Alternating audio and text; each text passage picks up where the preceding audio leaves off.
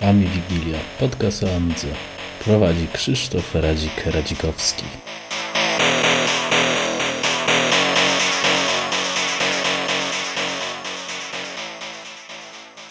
Witam w piątym odcinku Ami Wigilii. E, można powiedzieć, że jest to odcinek e, świąteczno-noworoczny. Tak więc przede wszystkim chciałem złożyć e, życzenia na nowy rok, aby wszystkim się mm, w życiu prywatnym polepszyło oraz z naszym mm, hobby, aby rozwijało się lepiej. Poprzedni rok można powiedzieć, że był całkiem udany, więc myślę, że następny rok mm, będzie lepszy dla nas wszystkich. Poza tym wspomnę o pokrótce o AMI Wigilii Fizycznej, czyli ta, która się odbyła w Poznaniu. Była to impreza dość skromna, jednak takie było założenie. Mimo wszystko chciałbym podziękować wszystkim przybyłym e, oraz e, szczególnie podziękować Mufie za przygotowanie konkursu oraz e, nagród. Było to bardzo pomocne i wniosło troszeczkę powiewu świeżości powiedzmy do, do, do naszego spotkania. E, poza tym spotkanie było bardzo sympatyczne, można było zobaczyć e, Amiga OS 4, jak, jak sobie radzi w, w życiu, co prawda na Pegasosie, więc nie jest to najszybszy komputer. E, można było też zobaczyć OS 4.1 oraz 4.0 na WinUAE pod, pod Maciem. Jak to chodzi, że nie jest to aż tak tragicznie wolno, jak się mogłoby wydawać, a, Mac użyty do tego też nie jest żadnym demonem prędkości. Tak więc y, coś ciekawego było. Y, jednocześnie też dziękuję mojemu koledze Glonowi, który zorganizował całą y, salę i, i powiedzmy zaplecze techniczne. Dzięki temu to było w ogóle możliwe do realizacji. Myślę, że jak się wszystko uda na spokojnie w następnym roku, czy, czy w tym roku, zależy to kiedy słucha, zorganizujemy kolejną edycjami Wigilii. E, mniej na wariata, więc, e, więc będzie dla wszystkich e, łatwiej przyjechać. Możliwe, że, że uda się nam podpiąć pod większą jakąś imprezę w Poznaniu, żeby to miało większe ręce i nogi. Zobaczymy. Lokal w każdym razie mamy ten sam. Nie powinno być to żadnego problemu. Lokal jest bardzo fajny. Zresztą w wolnym czasie postaram się zaktualizować stronami Wigilii o, o zdjęcia z imprezy, aby każdy mógł sobie ocenić e, jak to jest. No jedyną wadą lokalu jest to, że to jest centrum Poznania, więc nie można dojechać samochodem pod same drzwi. E, no więc niestety komputery trzeba troszeczkę nosić od najbliższego miejsca parkingowego, aczkolwiek e, są inne zalety, więc myślę, że nie jest tak najgorzej. Mm, ponadto wspomnę o tym, o, o podcaście, jak, jakie są moje wrażenia na, po, po czterech, w sumie pięciu odcinkach nagranych. E, więc ja osobiście jestem bardzo zadowolony. Mam nadzieję, że Wy też. E, podcast się rozwija, nawet lepiej niż myślałem. E, myślę, że w następnym roku mm, będzie ciekawiej niż było. Nie chcę tutaj na razie chwalić dnia przed zachodem słońca, ale powinno być ciekawiej, więcej. Mam nadzieję, że mm, będę miał dalej mm, ciekawych gości. Wszystkich zapraszam. Jednocześnie dziękuję obecnym, dotychczasowym właściwie gościom, którzy wzięli udział. Bez Was by ten projekt nie miał sensu. Pewno będę zapraszał wielu ciekawych ludzi. Myślę, że mogę powiedzieć, że nie tylko z Polski. E, ale co, jak, e, to zobaczymy w trakcie, z racji tego, że to nie jest takie też łatwe technicznie do zrealizowania. E, ale nie da się rzeczy nie przeskoczyć, więc y, bądźmy dobrej myśli. Dla każdego będzie, myślę, coś miłego, więc dziękuję za, za Waszą mm, uwagę, za to, że y, mnie słuchacie. Mam nadzieję, że mimo wszystko, że odcinki ostatnie wychodzą strasznie długie, e, dają, dadzą się przesłuchać. Mm, z racji tego, że no, goście mają tyle ciekawych rzeczy do powiedzenia, że nam ciężko się naprawdę mm, zmniejszyć e, w godzinie, więc e, to są barwne postacie. Myślę, że z następnymi kolejnymi odcinkami będą nie mniej barwne postacie. Więc no niestety myślę, że te odcinki będą bliżej dwóch do trzech godzin prawdopodobnie, aczkolwiek Jeśli się wszystko uda, będą też krótsze odcinki, więc może każdy będzie mógł sobie wybrać, co będzie mu się bardziej podobało. A ja jednak zachęcam do słuchania wszystkiego, nawet z jakimiś małymi pauzami, e, żeby dowiedzieć się więcej ciekawych rzeczy. Ja osobiście też dużo poznałem ludzi, dużo od nich się dowiedziałem, więc jestem bardzo w tej kwestii zadowolony. W tym odcinku piątym e, na, na mojej tapecie kolega Mufa, który jest użytkownikiem Amiga OS 4.1 na Amidze X1000. Tak jak już to było zapowiedziane, będą oczywiście pytania od Was. E, odcinek niestety jest długi, ale jest to jest tyle ciekawych informacji dla każdego, że będzie mógł e, coś, że myślę, że warto przesłuchać, po prostu powiem tak. Wkrótce mogę mm, jeszcze chyba dodać jedną rzecz, czyli wszystkiego najlepszego w nowym roku. Tak jak już wspomniałem, aby naszym, naszej Amidze polepszyło się, nie pogorszyło a jednocześnie chciałbym Was zaprosić do odsłuchania krótkiego utworu muzycznego. E, no, z racji, żeby już też jak poprzednio nie przedłużać, będzie to utwór około 3-minutowy, e, e, również z płyty Mobiego o, o nazwie mm, Funky Avenue. Tak więc zapraszam i do zobaczenia za rok.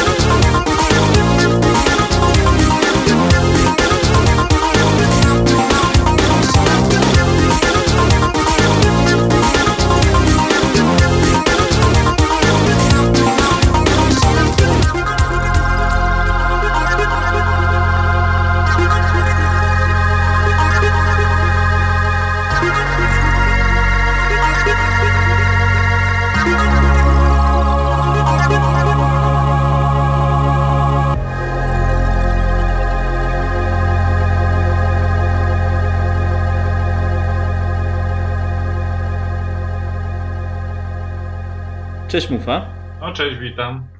E, witam Cię w piątym odcinku Ami Wigilii. E, tym razem ten odcinek będzie traktował o systemie Amiga OS 4, o komputerach z tym związanym. Z racji, że jesteś jednym z większych specjalistów w naszym polskim środowisku. Myślę, że podcast będzie dla wszystkich ciekawy. Dla tych, kto nie mieli, nie mieli kontaktu, będzie dużo informacji, szczególnie od Twojej osoby. Ja jestem też użytkownikiem tego systemu, ale nie jestem na pewno no, takim powiedzmy bez obrazy hardkorowcem, czyli Ty jednak jesteś zaawansowanym użytkownikiem e, i, i głównym Twoim komputerem jest e, Amiga NG, tak? Zgadza się. Dokładnie, więc myślę, że to będzie bardzo mm, ciekawe dla ludzi, którzy chcieliby może kiedyś się przesiąść na, na, na nowe Amigi, żeby bardziej na nich pracować. E, ok, czyli teraz e, standardowo zacznę. E, co możesz powiedzieć o sobie w, w zakresie pry, prywatnie, czym się zajmujesz, jeśli chcesz, a później przejdziemy o, od, od, do Twoich początków amigowania, czy ogólnie związanych tematów z IT, pierwszy kontakt z komputerami, kiedy Amiga i tak dalej, etc. Więc przekazuję Tobie głos. Słuchaj, no jestem facetem, można by rzec, w sile wieku. Kilka tygodni temu stuknęło mi 40 wiosen na karku. Pracuję od kilkunastu lat y, dla no, dużego koncernu międzynarodowego z branży papierniczej. Z zawodu jestem informatykiem, ale nie pracuję w dziale IT. No, a tak poza tym standardowa rodzina, żona, dwójka synów, kot, może tyle. O, kota też mam. E, ile, ile kotek ma lat? O, nieco ponad rok. Aha, to, to, to bo, bo, mój ma pół roku. Później jest spokojniejszy, bo mój jest dość mocno no, szalony. Tak? Znaczy, po, spokojniejszy to jest po kastracji. Nie wiem, czy tak. po pół roku można chyba. Zdać. A, po pół roku, właśnie. To, to tak abstrahując, tak będę musiał swojego chyba ująć mu duszy. No niestety, ale, ale wtedy będzie spokojniejszy. Okej, okay, dobra, to teraz przejdźmy może e, z tematów e, kotowych do tematów amigowych. Twój pierwszy kontakt z komputerem, czy była to Amiga? Jeśli tak, albo ogólnie później, jaka była Twoja pierwsza Amiga? Opowiedz trochę historii znaczy, swojej. Pierwszy raz to gdzieś 1983, może czwarty rok, gdy byłem u wujka na wakacjach w zasłużonym nomen omen dla polskiej społeczności amigowej mieście Gliwice. I to nie był komputer, a była konsola, polski klon Ponga. No, wiadomo, za, zafascynowało mnie to trochę, ale to jeszcze nie było to. Rok później kuzyn kupił Atari 2600 i to już tam był Pac-Man, Asteroids, tam, tam, to już wtedy wiedziałem, że połknąłem komputerowego bakcyla. No a potem to już były komputery też właśnie najpierw znajomi i rodzina. Wiadomo, wtedy rządził Spectrum, a komputerem marzeń było Atari. Co prawda C64 był lepszy, ale ja osobiście to w 80 latach na żywo może ze dwa razy go widziałem, także Max to był Atari. No i gdzieś tak w okolicach 89-90 roku takie Atari 800 XL sobie sprawiłem, a pod koniec 92 roku była już Amiga. Oczywiście 500. Oczywiście 500.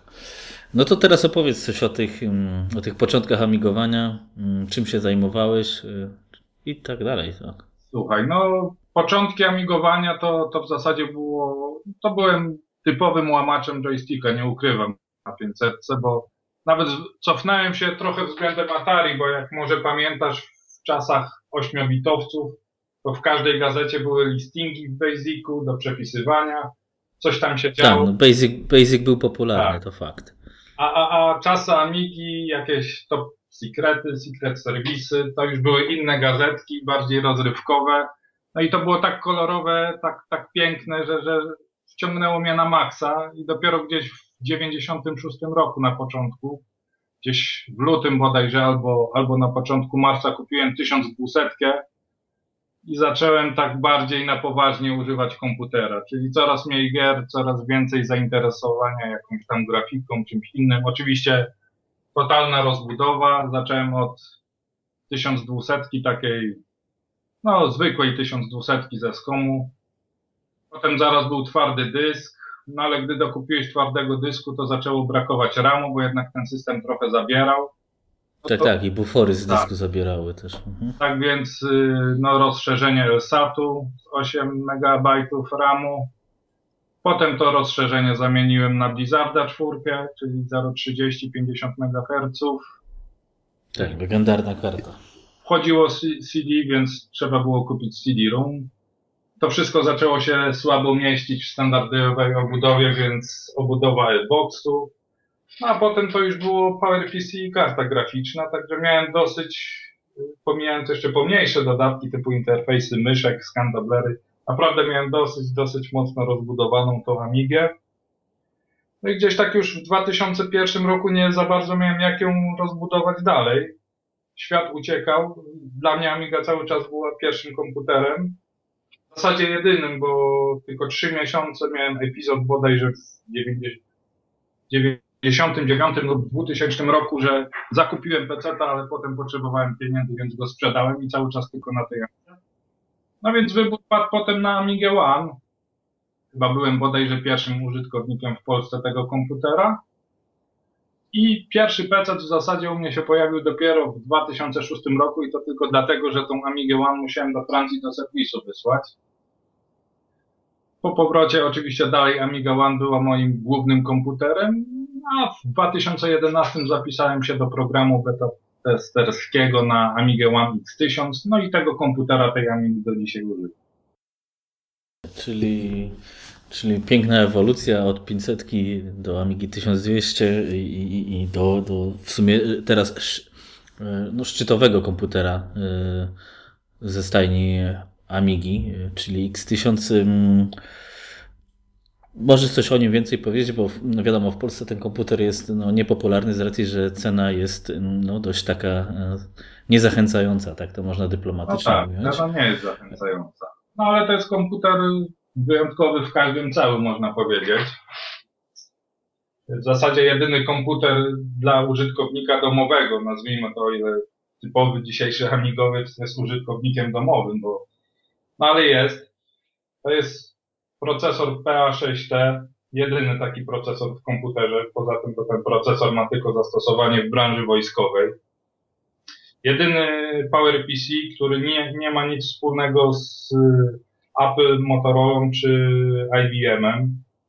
Jedyna niezależna konstrukcja, przynajmniej w tamtym czasie, ale chyba do teraz też. No i no najszybsza Amiga, no super, super sprzęt dla gościa, który, który czuje te klimaty, który lubi Amiga S4. Fajna sprawa, chociaż wiadomo, że nie jest jeszcze wykorzystana w pełni jego moc. To jest komputer wielordzeniowy, na razie wykorzystywany jest jeden rdzeń przez system. No nie ma sterowników niestety dla Radeona 3D, tylko są zwykłe sterowniki 2D dla Radeonów HD. Także jest jeszcze trochę do zrobienia, ale może to i lepiej, bo przynajmniej ten komputer będzie jeszcze dostawał mocy i dawał mi w ciągu następnych lat więcej powodów do zadowolenia. Nie mam wszystkiego od zaraz, chociaż to w świecie PC norma, ale niestety świat amigowy jest taki, jaki jest. Tylko po prostu pomalutku, pomalutku coraz lepiej.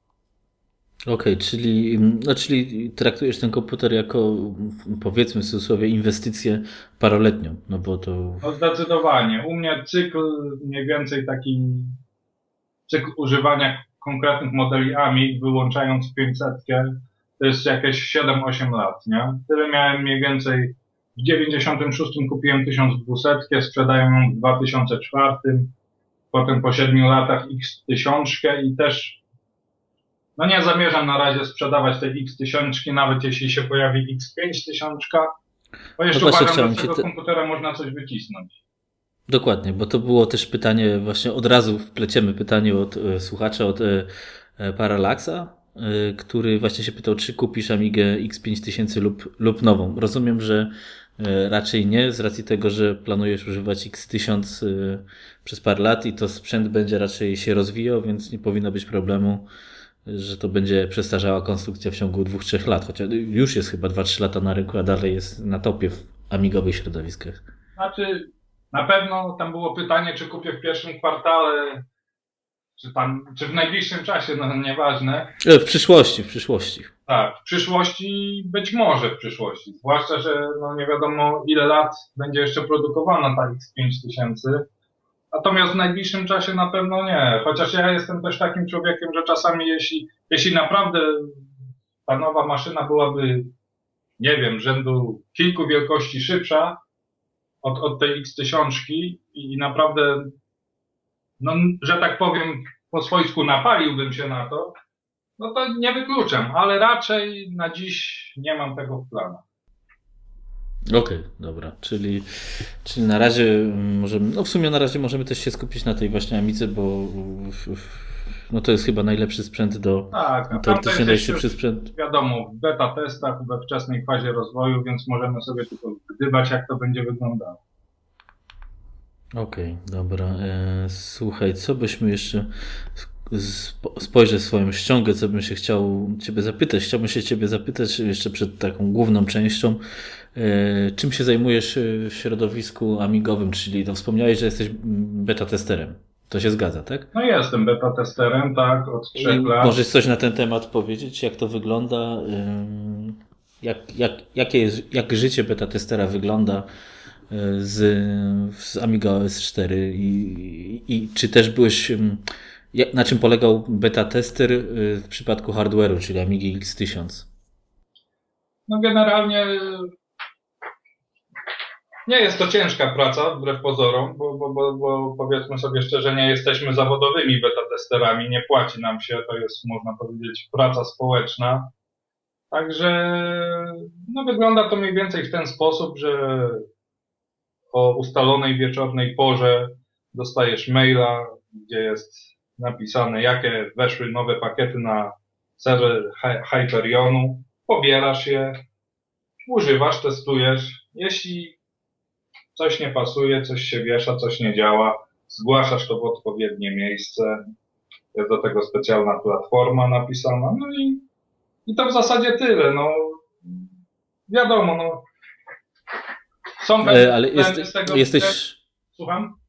E, czy jesteś zobowiązany, nie wiem, mieć określone wersje na przykład bibliotek czy coś, czy to jest, y, czy nie właśnie, czy to wiesz? Nie, nie, nie, no generalnie jesteś zobowiązany do aktywności, to nie jest jakaś tam aktywność, że musisz, nie wiem, dać y, swoją opinię co do każdego jednego pakietu, ale powiedzmy wypadałoby się parę razy w roku przynajmniej ustosunkować do tego i owego, no bo jest trochę ludzi, którzy po, po prostu chcieli kupić taniej na przykład Amiga One X1000 i tak dalej tylko po to się zapisali, a dzisiaj już w programie beta testerskim nie są, bo no bo niestety, no jesteś, podpisujesz jakąś umowę, musisz być aktywny, musisz tego używać, musisz zgłaszać raporty, ale nie jest to jakiś tam przymus, że powiedzmy, nie wiem, ganiają cię, bo, bo przez 3 czy 4 tygodnie nie dostali od ciebie raportu.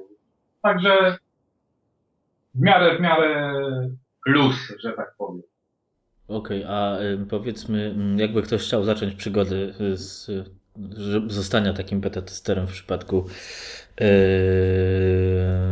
OS4, jak to wygląda i czy musisz mieć określony sprzęt, czy to jest, czy, czy to jest wszystko jedno, czy masz e, OS4 dla wersji Classic, czy w wersji na przykład Pegasus, czy wersji jakiejś tam innej. Y, jak, to wygląda, żeby zostać takim beta testerem? Generalnie, gdy był nabór na przykład do beta testerki na X1000, no to musiałeś y, wysłać maila i powiedzieć, czym się zajmujesz właśnie na Amidze. Wiadomo, pierwszeństwo mają programiści. Y, no, jak, jakiego konfigu używałeś, jakie masz doświadczenie i tak dalej. W przypadku klasyka podejrzewam, czy Pegasusa, to raczej, żeby dzisiaj zostać, to raczej trzeba być programistą i to cenionym, zna, znanym przynajmniej, bo, bo, no bo jest już trochę beta testerów, jest ich kilkaset, co jak na małe, powiedzmy kilkutysięczne środowisko, to jest bardzo duża rzesza. No i raczej do maszyn, które mają już, że tak powiem, obsadzoną obsadę tych beta testerów, to, to, to ciężko, ciężko tutaj się dostać. Jedynie do nowych maszyn, jak była, była nabór na X5000, to ewentualnie taki przeciętny człowiek ma szansę. Tak raczej to ewentualnie programista, który najlepiej jakby jeszcze wsparł zespół deweloperski, bo, bo tacy ludzie są najbardziej pożądani. Okej, okay, to teraz ciągnąc ten temat, zapytam się, jak to wygląda wobec tego z, z, z tym środowiskiem Amiga OS 4 i ilu jest programistów? Ogólnie możesz coś powiedzieć o, systemie. System, jeśli możesz, bo, bo masz te jakieś umowy jako beta tester na pewno, o których pewnych rzeczach nie możesz powiedzieć, ale chciałbym tak ogólnie nakreślić sytuację rozwoju o OS 4, jak to wygląda i jaki jest trzon tworzący system, ile jest beta testerów, to już mniej więcej powiedziałeś, e, jak wygląda sprawa z programistami i, i, no i tym podobne rzeczy. Znaczy programistów jest powyżej 20, beta testerów w, szczytowej, w szczytowym czasie to było chyba, nie wiem, ponad 200, może nawet i 300, ale no zostały pewne cięcia poczynione w tym zakresie, po prostu nieaktywne osoby zostały wyeliminowane, także teraz jest, przypuszczam, około 100-150. No wiadomo, no trzon grupy, no to są bracia Frieden i Sully, Steven, jeszcze kilka osób ale ogólnie jest koło, no ogólnie zespół powiedzmy programistów i beta testerów to jest między 150 a 200 osób. Tyle ludzi mniej lub bardziej dokłada swoją cegiełkę do rozwoju AmigaOS. Mm, Okej. Eee, a jak e, ty, ty, masz może jakieś e, spojrzenie, jak wygląda tempo prac, bo na przykład, bo teraz no, OS 4.2 jest opóźniony, znaczy w cudzysłowie, no, miał być szybciej. I, y, czy to wynika z braku zasobów ludzkich, czy to wynika z jakichś problemów, które wynikły? Jeśli możesz powiedzieć. Znaczy, generalnie to wynika z, z prac nad dostosowaniem Amiga OS 4 do X5000 bo to tutaj słyszałem, że był bardzo duży problem, bo to jednak jest ten procesor, który tam był zastosowany. Jest dosyć mocno różni się od starszych procesorów PowerPC i było, było z tym sporo roboty. I to był główny, główna przyczyna opóźnień. No i tak jak mówisz, no też brak zasobów, bo, bo niestety pewni ludzie są niezastąpieni. Bliźniacy, no gdyby był, zamiast bliźniaków byli czworaczki, pewnie byłoby łatwiej Także no, głównym, głównym, głównym powodem to był nowy hardware. Tutaj to, to, to właśnie spowodowało, że niestety zamiast Amigo S4.2 będziemy mieli tylko Final Edition.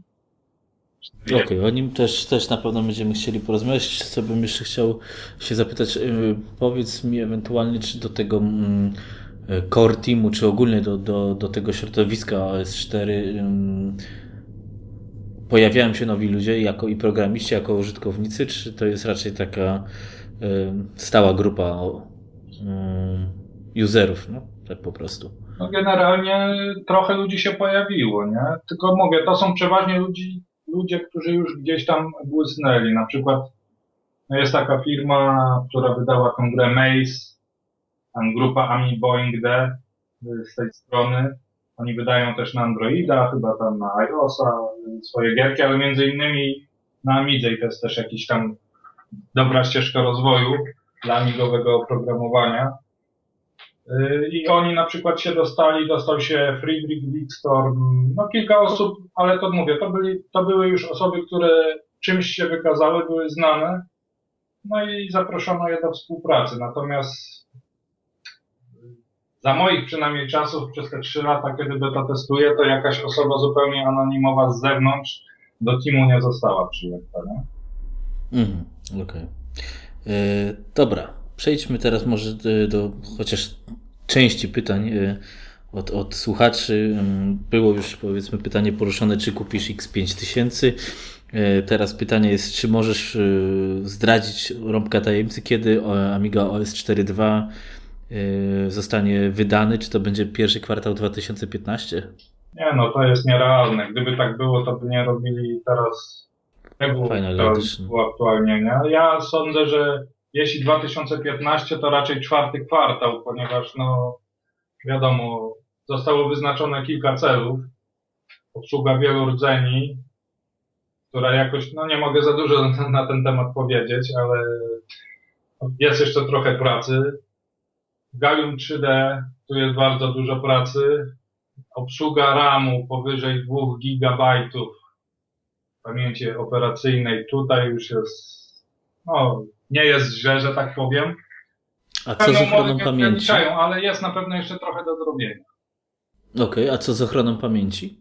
No to raczej nie jest, nie jest przewidziane. Ja przynajmniej nic o tym nie wiem. Były jakieś tam spekulacje, że to by się przydało i tak dalej, ale nie sądzę, żeby to było w 4.2. Mhm. No tak, bo to yy, z tego co ja się orientuję, to yy, dużo by z tego systemu zostało, musiało zostać napisane od nowa. Tak, tak. De facto, nie? Dokładnie, więc yy, no, aczkolwiek funkcja by się przydała z racji tego, że no, w nowoczesnych systemach ochrona pamięci jest. To jest podstawa, ale po pierwsze też chyba, o ile się orientuję, byłby problem z kompatybilnością dotychczasowego softu. W zasadzie zostalibyśmy bez softu, chociaż już dzisiaj go nie mamy zbyt dużo, ale znowu zaczynać od zera to nie wiem. No i chyba system nie byłby tak szybki i wydajny, bo to jednak też jakieś zasoby zabiera taka ochrona pamięci. No ale mówię, na razie, na razie nie ma o tym mowy w przypadku. Mm. Znaczy wiesz, bo y, szybkość i wydajność systemu myślę, że na takiej Amidze X1000, no fakt, że to jest bardzo drogi komputer, no to myślę, że dałoby radę z tym pociągnąć. A, a propos kompakty, kompatybilności, e, z racji, że ostatnio e, testowałem z czystej ciekawości e, Arosa, czyli Icarus Desktop 2.0, nie wiem czy słyszałeś, to no jest tam jeden z tych...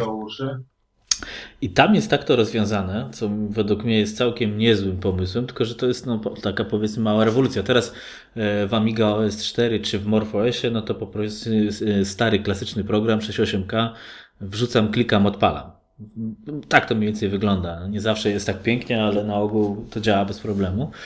A w Arosie jest to zrobione przez e, emulator UAE, który integruje się z systemem i możesz nawet wybrać opcję tak, że program, który odpala się w tym emulatorze, odpala się jakby natywnie na desktopie, czyli nie, nie masz, e, wiesz, oddzielnego screenu z emulatorem i tak dalej, nie? Tylko po prostu jakby to natywnie. Czy to nie jest um, sensowna droga, żeby tą stroną pójść z racji tego, że yy,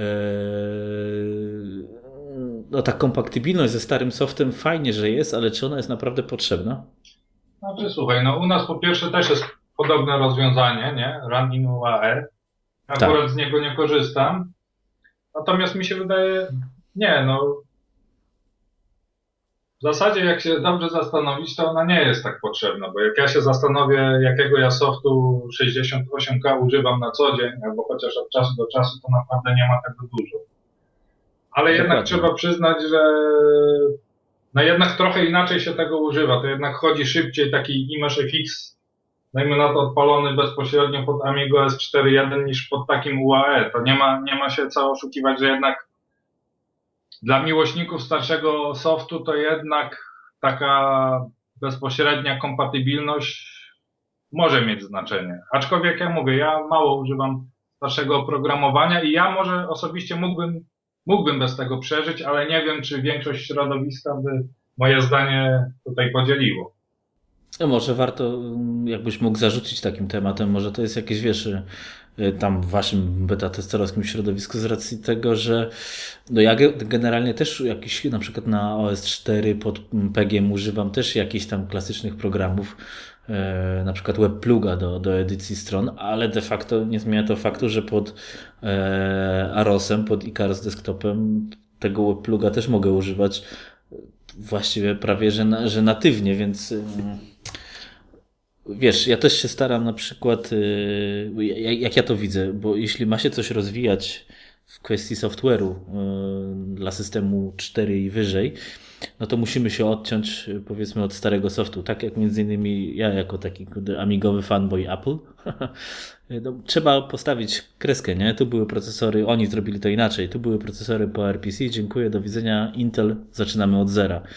I wiesz, no, mamy też y, takie rozwiązania, że nie, nie trzeba Image FX używać. Można na przykład używać Gimpa pod Amiga Cynix, tak? To się mówi? Tak, tak, tak, tak. no używam. E, co, tak a propos właśnie, co na temat tego możesz powiedzieć, bo, bo jest, wyszło QT, znaczy te, te pakiety już nie są też takie najnowsze, bo one chyba wyszły dwa lata temu czy coś, ale no, moim zdaniem, znaczy ogólnie w środowisku jest raczej niezwiązanym z OS4 może tak jest negatywne spojrzenie na to z racji, że używa się Linuxowych rozwiązań. Moim zdaniem jest to w miarę pozytywne z racji, że y, możesz w miarę szybko sportować nowe oprogramowanie, które jest powiedzmy jakoś znane jak GIMP na OS4 i go użytkować, więc to jest raczej plus, chociaż też mi się wygodnie używa amigowych, natywnych rozwiązań, oczywiście, aczkolwiek zaleta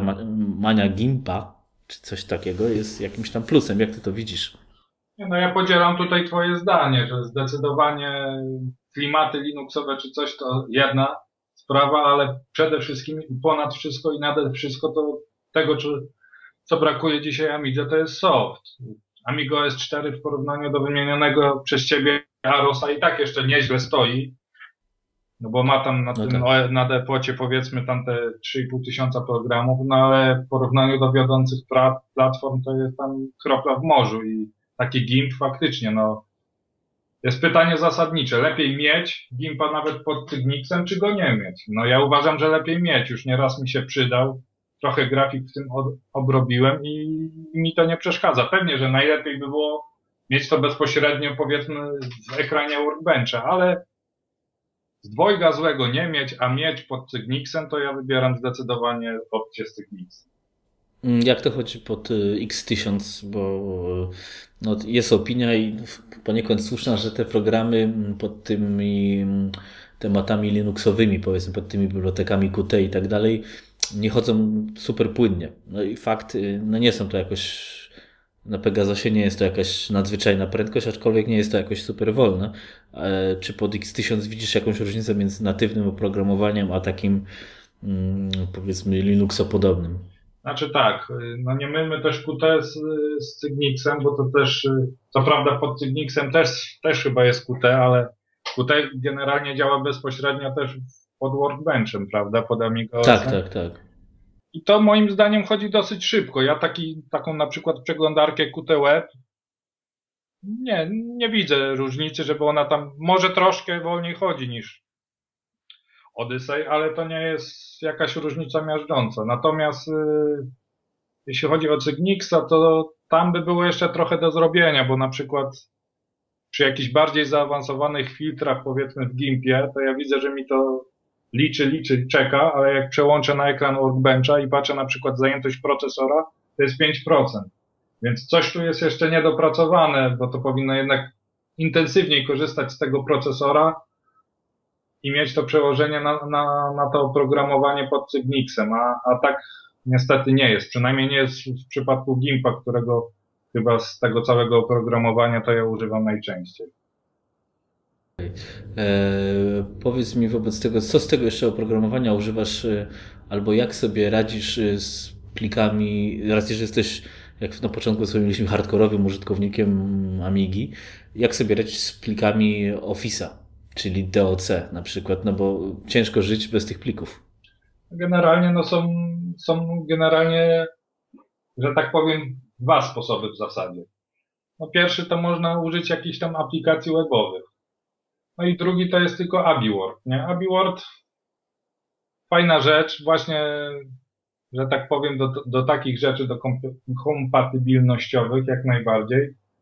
No i co tutaj też Pegdar, na co zwraca uwagę, że niestety na Amidze podstawowa bolączka, a, a w sumie chyba to nie jest takie trudne w realizacji, to jest słownik, słownik ortograficzny. No akurat AbiWord to ma, więc pod tym względem, pod względem właśnie kompatybilności z formatami Office'a i tak dalej, no to też ten Cygnix się przydaje. Jak najbardziej jest to jakieś rozwiązanie.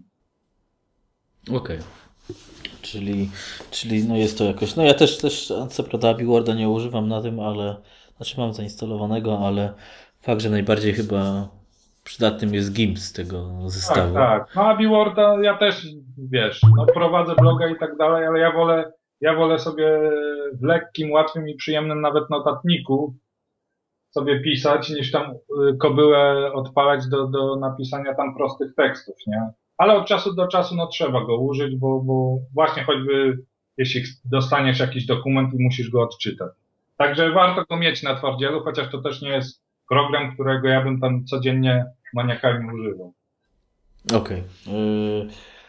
Właśnie, wracając do softu, jak widzisz, powiedzmy, rozwój naszego oprogramowania, bo, bo to chyba jest bolączką wszystkich amigowych systemów i czy to czwórki, czy MorphOSa, czy, czy nawet Amigi klasycznej. E, softu nowego jest bardzo mało, znaczy na klasyczną to już praktycznie w ogóle e, Amigę, e, aczkolwiek jednak no, tempo rozwoju na przykład OWB, czyli przeglądarki na, czy Timberwolfa, czyli amigowego Firefoxa, no jest bardzo powolne i wiesz, po, jeśli przeglądarka ma rok, już powiedzmy staje się niekompatybilna i ja to widzę tak, znaczy, że na przykład na OS Depot, e, OS 4 Depot jest dużo powiedzmy programów, które są de facto w cudzysłowie konwenterami e, MP3 do e, innego MP3, czyli kompletnie nieprzydatnych. Jak żyć z brakiem softu i czy jest jakaś szansa, że ten soft zacznie się bardziej masowo pojawiać no bo jest go mało. Jest de facto, na przykład nie ma edytora wideo, nawet jakiegoś open source. Nie no, zgadza się. Przeglądarka to jest podstawa i to tam nie ma się co oszukiwać.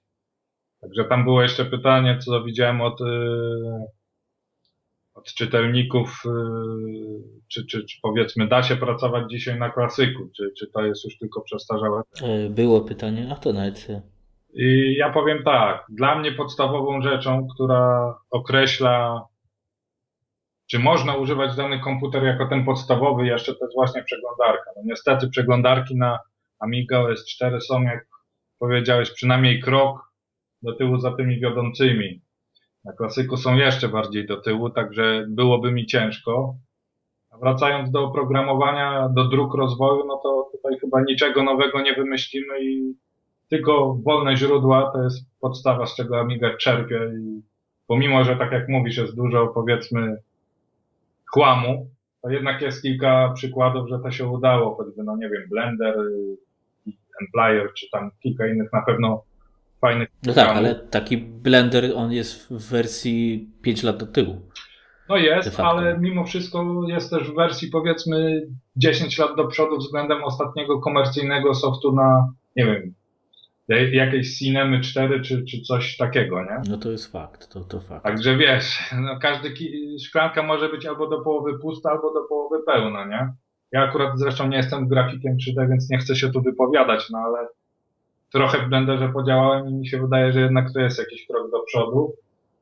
No i drugą, drugą taką drogą rozwoju, którą widzę, to właśnie są te, ale to bardziej widzę, no, kierunku gier i coś, to są to właśnie popularność tych platform mobilnych, że już się robi, no jest kilka, kilkanaście może nawet już przykładów jakichś tam tytułów, gdzie przy okazji tego, że jakiś amigowiec zarabia na wersji na Androida, czy coś wypuszczają wersję amigową. To zazwyczaj zresztą na widzę lepiej się gra niż, niż na, na panelu dotykowym, więc to też jest jakaś tam droga. Czyli wolne źródła i czerpanie na modzie, na aplikacjach mobilnych to, to są takie dwa źródła rozwoju, które ja widzę, no bo na, na jakąś, nie wiem, jakiś wysyp oprogramowania komercyjnego przy tej wielkości rynku, no to nie ma co za bardzo liczyć. Okej, okay, to właśnie, nawiązując do wielkości rynku, mm, powiedz mi, ile jest e, mniej więcej użytkowników Amigi X1000 i w Polsce, i na świecie oraz na ile się szacuje ilość użytkowników OS 4? Znaczy w Polsce Ogólnie. znanych mi użytkowników włącznie ze mną X1000 jest sześciu. Być może są jacyś jeszcze, ale nic mi o nich nie wiadomo. E, na świecie, według tego co powiedział, ale to są dane sprzed roku, Trevor Dickinson to jest około 500 sprzedanych sztuk. Być może teraz jest trochę więcej. Co do użytkowników, to można się tylko opierać tutaj na deklaracjach Bena Hermansa, on powiedział, że jest kilka tysięcy z tego takich regularnych, którzy pobierają regularne uaktualnienia systemu. To jest 2,5 tysiąca według moich takich obliczeń, szacunków różnych. może być łącznie z tymi niedzielnymi, którzy od czasu do czasu zaglądają, około 4000. Tak, tak ja szacuję. To jest taka wielkość mhm. rynku. No wiadomo, Ben Hermans ma ambitne plany, żeby to wzrosło do 7-10 tysięcy w ciągu najbliższych no tak lat, ale, słyszałem. ale czy to się uda, no trudno powiedzieć. Przy tych cenach... No, w, no. Właśnie, w tym świetle co powiesz e, na temat WinUAE i, i, i możliwości teraz użytkowania e, wersji czwartej systemu na, na przysłowiowym piecu laptopie? To też było takie pytanie bodajże od czytelnika. E, znaczy od słuchacza. No ale to ogólnie tak, ja chciałbym Cię zapytać, czy uważasz, że to spopularyzuje, bo ja, ja osobiście uważam, że spopularyzuje. E, czy uważasz, że to jest szansa dla systemu operacyjnego takiego jak e, czwórka na troszeczkę rozrośnięcie się, pozyskanie nowych użytkowników? Marzeniem byłoby pozyskanie nowych deweloperów, gdyż cena wejścia no to jest 30 euro de facto tylko a nie 3000 euro. No tak, na spopularyzowanie na pewno. Na pewno trochę wzrośnie sprzedaż Hyperionowi, nie ma się co ukrywać, bo, bo już są takie deklaracje. Na pewno też, yy, co już tam rozmawialiśmy wcześniej przed nagraniem, że uważam, że to wpłynie dobrze pozytywnie na wizerunek, bo jest dużo ludzi, którzy robią czarny PR systemowi, a na oczy go nie widzieli będą mogli sobie potestować, pomacać i, i wtedy wyrobić opinię na podstawie własnych doświadczeń, a nie na podstawie jakichś tam uprzedzeń i tak dalej. Natomiast jeśli chodzi o deweloperów, to ja jestem raczej sceptyczny, no bo spójrz na rynek klasyka. Z pewnością użytkowników WinUAE to pewnie są setki tysięcy, może i miliony, ale czy to się przekłada na nowości na Aminecie? No niekoniecznie. Mi się jednak wydaje, że trzeba mieć ten realny sprzęt, być bardziej zaangażowanym, ale może mi się tak wydaje, może w przypadku S4.1 będzie inaczej, ale w każdym razie pewne pozytywy widzę.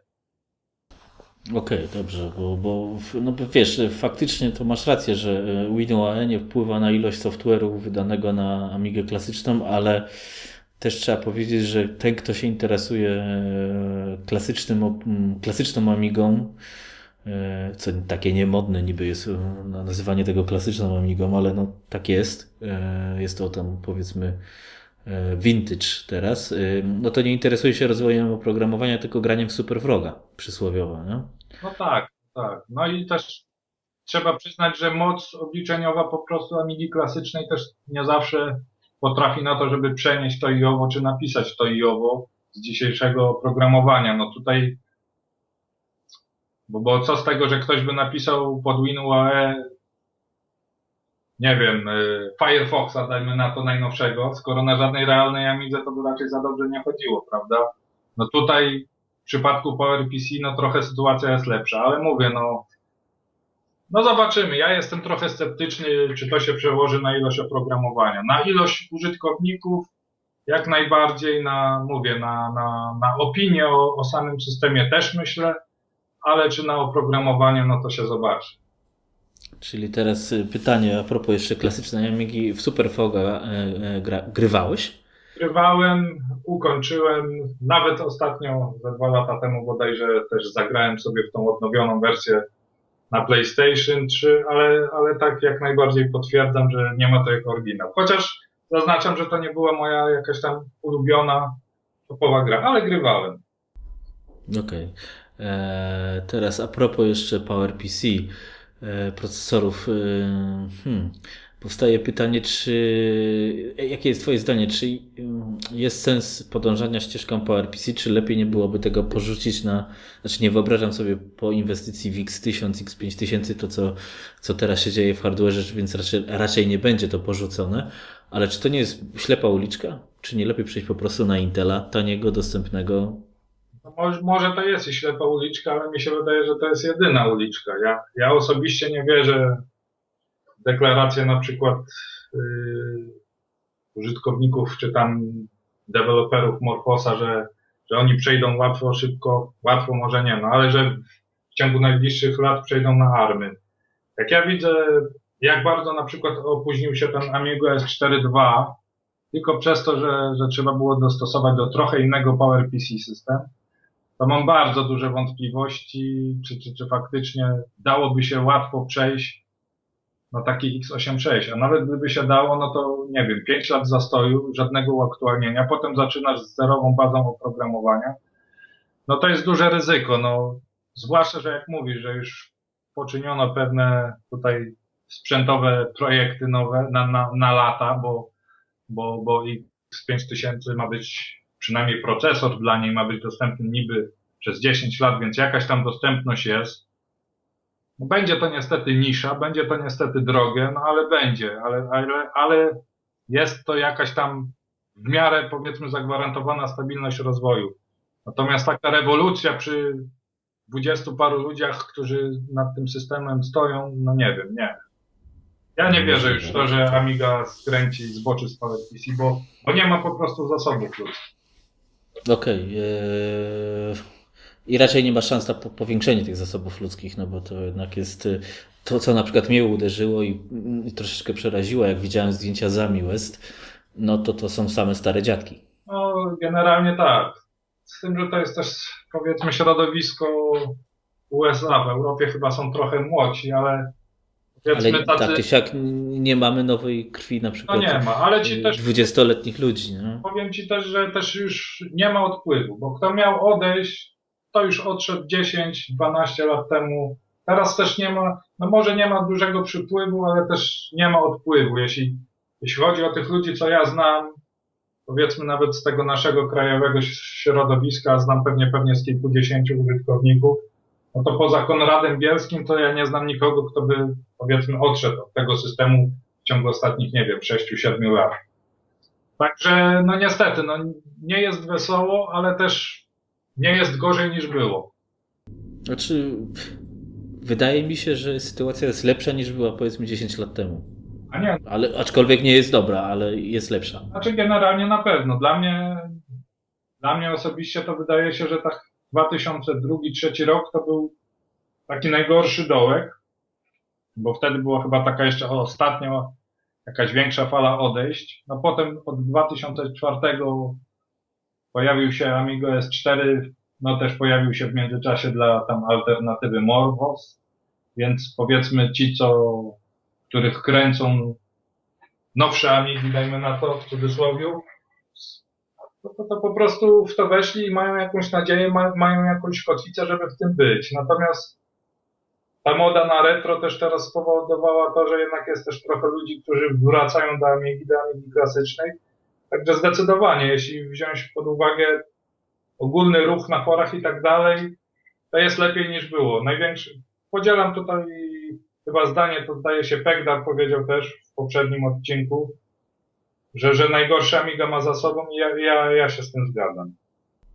Mhm. Czyli, czyli może, no tak, bo, bo też, też właśnie poruszaliśmy temat Dropboxa i tak dalej. Czy, czy powiedz mi, skoro na przykład źródła Dropboxa są dostępne, API i tak dalej, czemu nikt nie może napisać tego na Amigę, skoro to jest dostępny dokument? Ja, ja nie jestem programistą, ale tak podstawowe narzędzie, y, jak na przykład Dropbox w dzisiejszych czasach, nie jest obecne na nowych systemach, to, to trochę jest słabe. Czy to jest y, tak skomplikowane, żeby napisać coś z, z dostępnych źródeł? Znaczy nie jesteś programistą, ale jakie jest twoje ja zdanie? Jestem programistą, ale moje zdanie jest takie, że to się chyba jednak pojawi, bo no mam, tro, mam trochę większą wiedzę niż ty i mi się wydaje, że przynajmniej pewne zmiany idą w tym kierunku, że to się może pojawić. Nie wiem, nie chcę gwarantować, że to się pojawi, ale myślę, że jest na to duża szansa, że powiedzmy w 2015 roku ten, ten problem przestanie istnieć.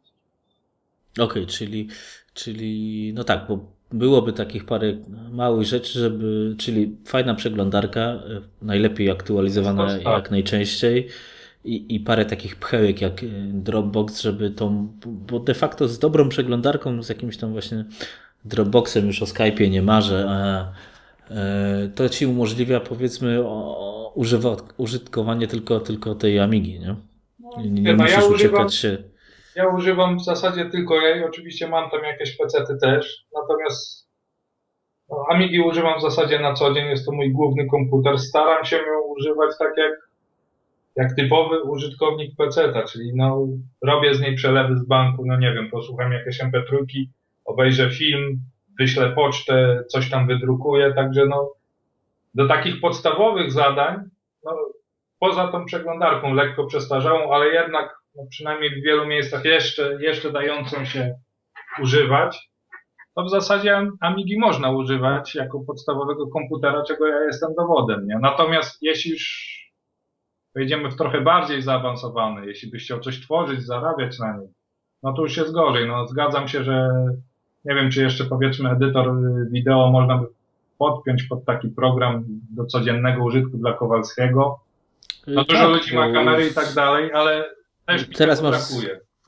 Zwykły telefon, robisz filmik i i nie bardzo jest na Amice co z tym zrobić. Znaczy pojawiło się, nawet ja tam na blogu podałem linka do, do takiego tutoriala, jak edytować w Blenderze pod, pod Amigą e, filmy, ale no to wiesz, to jest no, taka proteza nie, jakaś, nie, nie, aczkolwiek... No, ja no, trudno mi się z tym nie zgodzić. Ja mówię, ja staram się pewnie w 95% do wszystkiego, co można, nawet jeśli to czasami trwa dłużej albo bardziej skomplikowane jest, staram się używać tej X tysiączki, ale akurat do czego, jak czego, ale do obróbki wideo, no to niestety włączam sobie PC-ta tego Pinacla, bo, bo tutaj żadnego, żadnego, że tak powiem, odpowiednika na Amidze nie ma. No można, jedynie co można zrobić, to powiedzmy skonwertować z jednego formatu do drugiego, zmienić rozdzielczość, ale to nie o to chodzi, żeby sobie zrobić, nie wiem, jakieś menu, DVD i tak dalej, no to już, już, już są schody. Tak, tak, tak, zgadza się.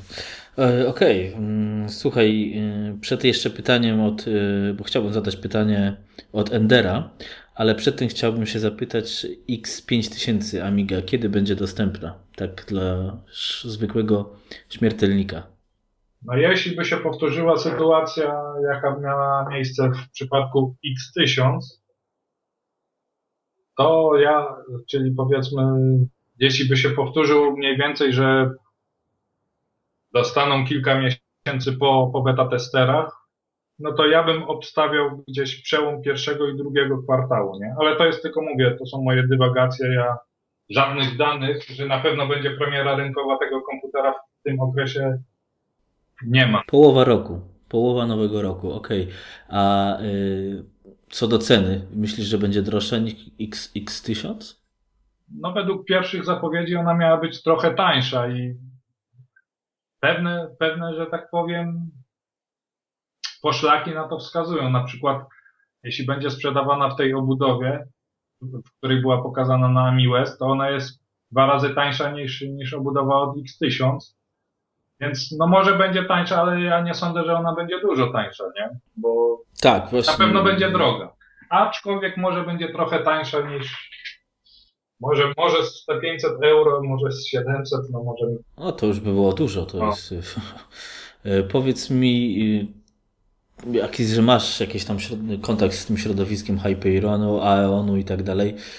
Czemu te komputery są takie drogie? Znaczy ja tam mniej więcej rozumiem, czemu są takie drogie, ale w, w Polsce ogólnie i, i słusznie, znaczy nawet i w Niemczech 3000 euro, no to jest kupa szmalu. No nie ma się co w ogóle czarować Yy, czy ty masz wiedzę, yy, ile pi razy oko kosztuje zaprojektowanie takiej płyty, ile yy, firma musi na to wydać, bo produkcja, no, produkcja też swoje kosztuje, więc i czy widzisz w ogóle jakiś cień szansy, żeby to było tańsze w jakikolwiek sposób?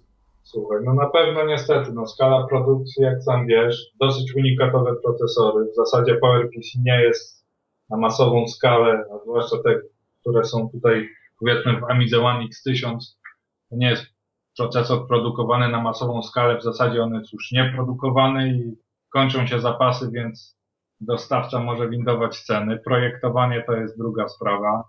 To wszystko kosztuje, wiadomo, że to nie robi jakiś Kowalski z lutownicą, tylko to jest do zewnętrznej firmy, dla zewnętrznej firmy zlecana robota i firma też chce na tym zarobić. Zwłaszcza, że no powiedzmy ta firma Varisys, ona nic wspólnego wcześniej z Amigą nie miała i nie musi mieć jakichś sentymentów, dawać zniżek i tak dalej, nie?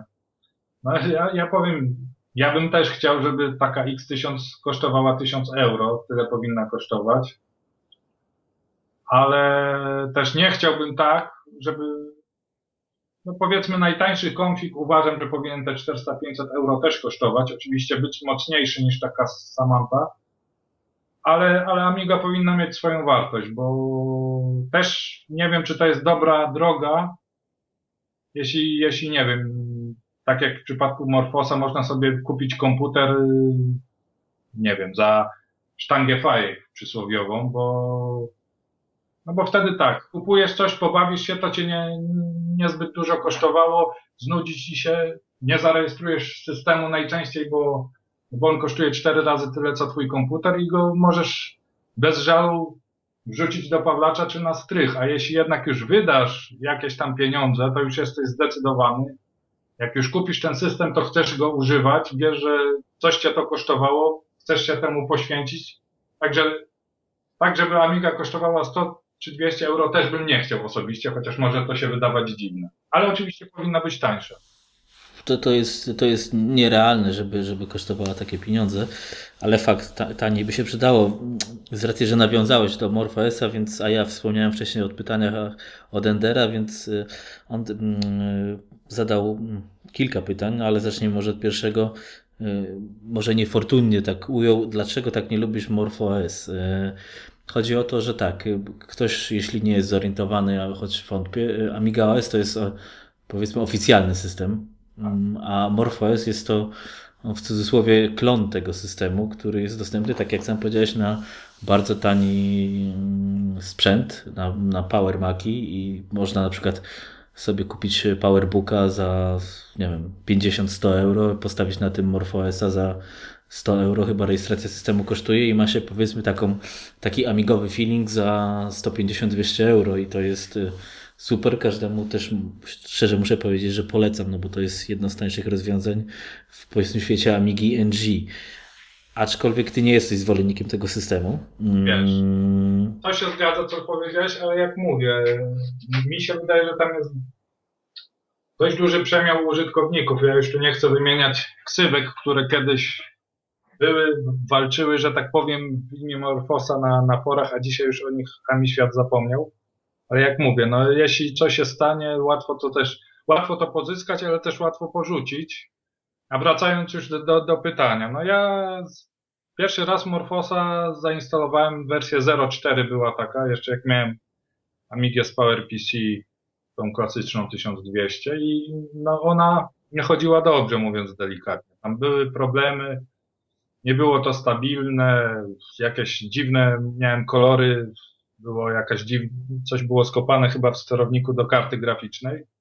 Także szybko to odinstalowałem, ale ja się do tego systemu nie zniechęciłem. W 2003 roku, bodajże w marcu, kiedy ja już wiedziałem, że po prostu, no, niestety, bardziej mojego klasyka nie, nie rozbuduję, no i trzeba, trzeba, trzeba szukać czegoś nowszego. Pojechałem do Torunia, taka była impreza Toronto Meeting. Tam był, był, był Pega, były kilka Pegazosów chyba. System był wtedy w wersji 1.3 lub 1.2. No i powiem szczerze, że jako użytkownik klasyka byłem naprawdę super zadowolony, jak to chodziło szybko, bo chodziło szybko, no prędkość nieporównywalna, bo to nie tylko, że był procesor G3600, ale i szybsza pamięć, i szybsza grafika i tak dalej. Więc to zrobiło na mnie duże pozytywne wrażenie.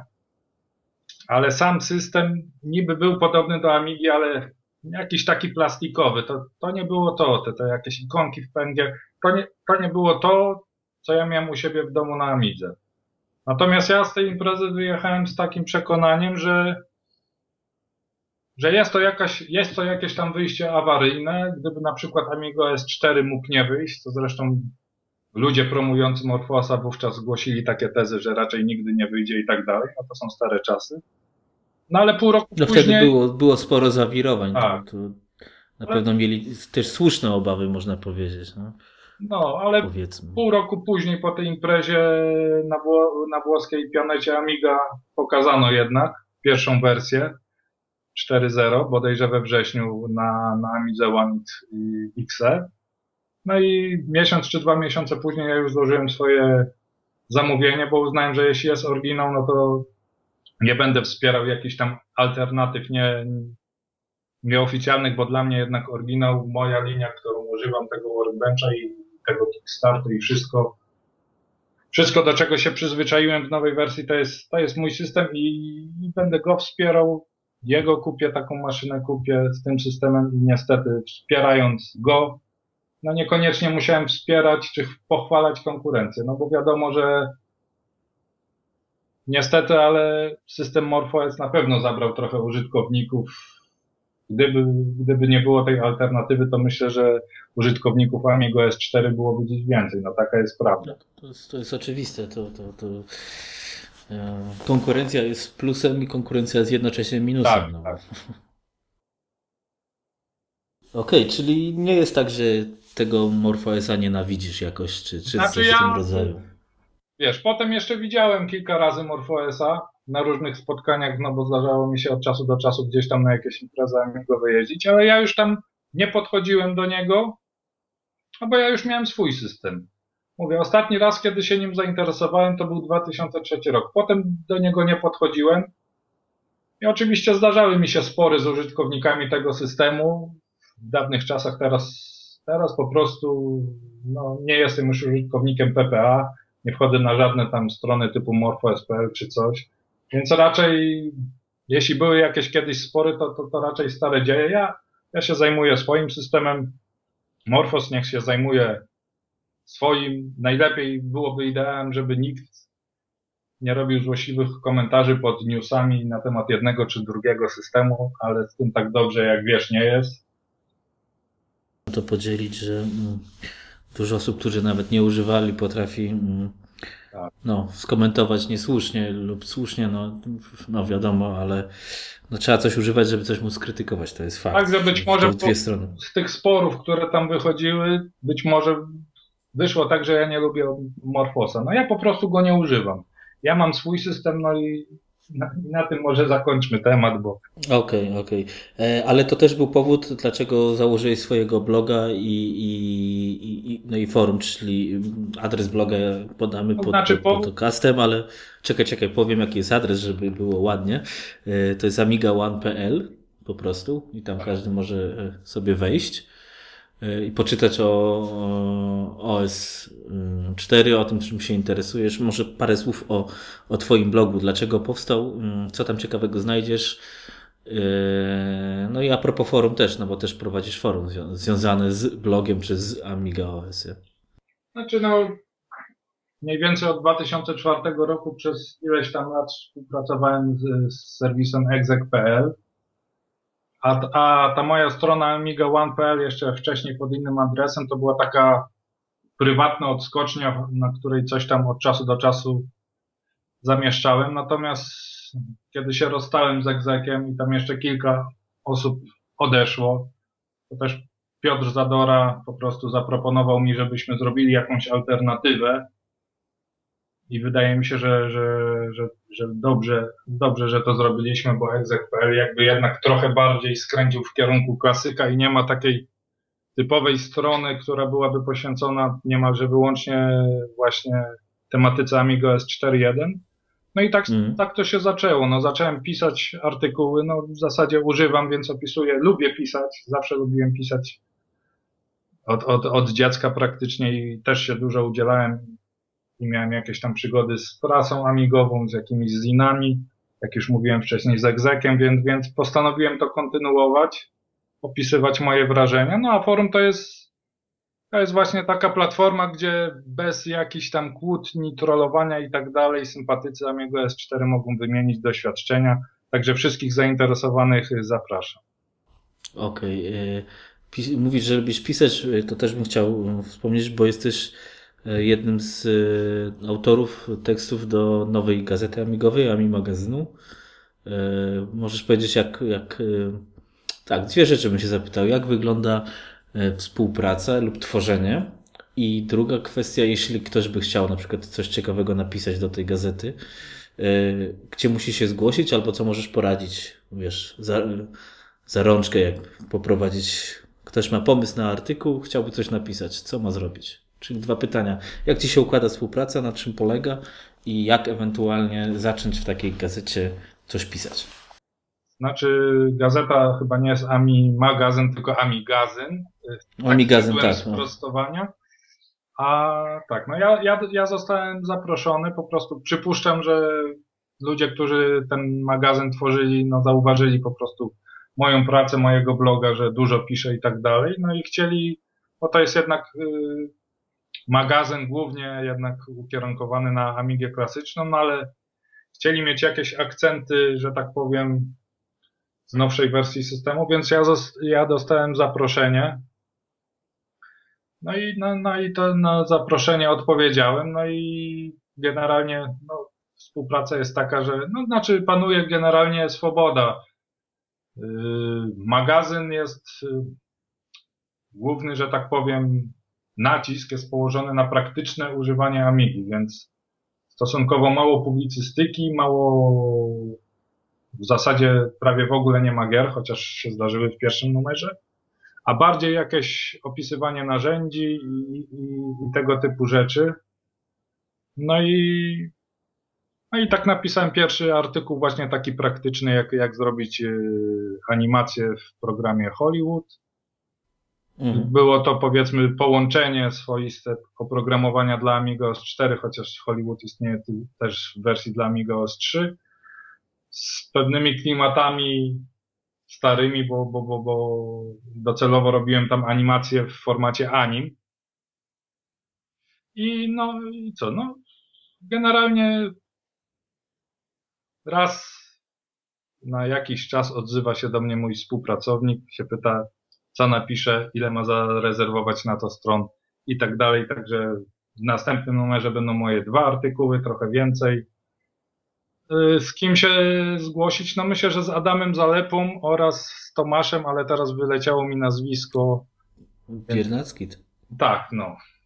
Także może do nich można się odezwać. Ja myślę, że no, skoro oni mają w planach y, poszerzanie objętości, no to powinni być otwarci. Jeśli ktoś się czuje na siłach, to. Okej, okay, a jeszcze um, zapytam się tak, y, w czym piszesz? wobec tego, czy w notatniku coś takiego, czy, czy na przykład dokładnie. piszesz to w page streamie? Aha, okay. Ja piszę w notatniku, bo, bo, no bo to jest lekkie i, i, i to mi starczy. No, niestety nie ma jeszcze OpenOffice'a, ale nie wiem nawet, czy jak będzie, czy będę używał jakiś kobył do tego. Natomiast, no, jak już mówiłem, jest problem z korektą, a ja też ma, mam problemy niestety, podobnie jak Pegdar, z tym, że ja ja to załatwiam trochę inaczej, bo po prostu na końcu robię kopiuj w play i są korektory webowe i za pomocą powiedzmy jakiegoś OWB czy coś. Mhm. Jakaś strona, powiedzmy pisownia.com czy, czy, czy, czy coś takiego. Ja, to ciekawy, ciekawa informacja. I leci wtedy.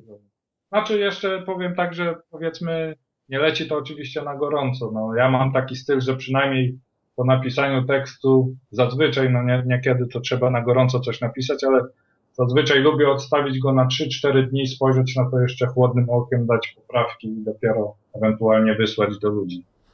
No tak, to jest fakt, że tak jest najlepiej, bo no, na gorąco nie zawsze e, człowiek, e, no, powiedzmy, jest przytomny, żeby wszystko ogarnąć. Tak, tak.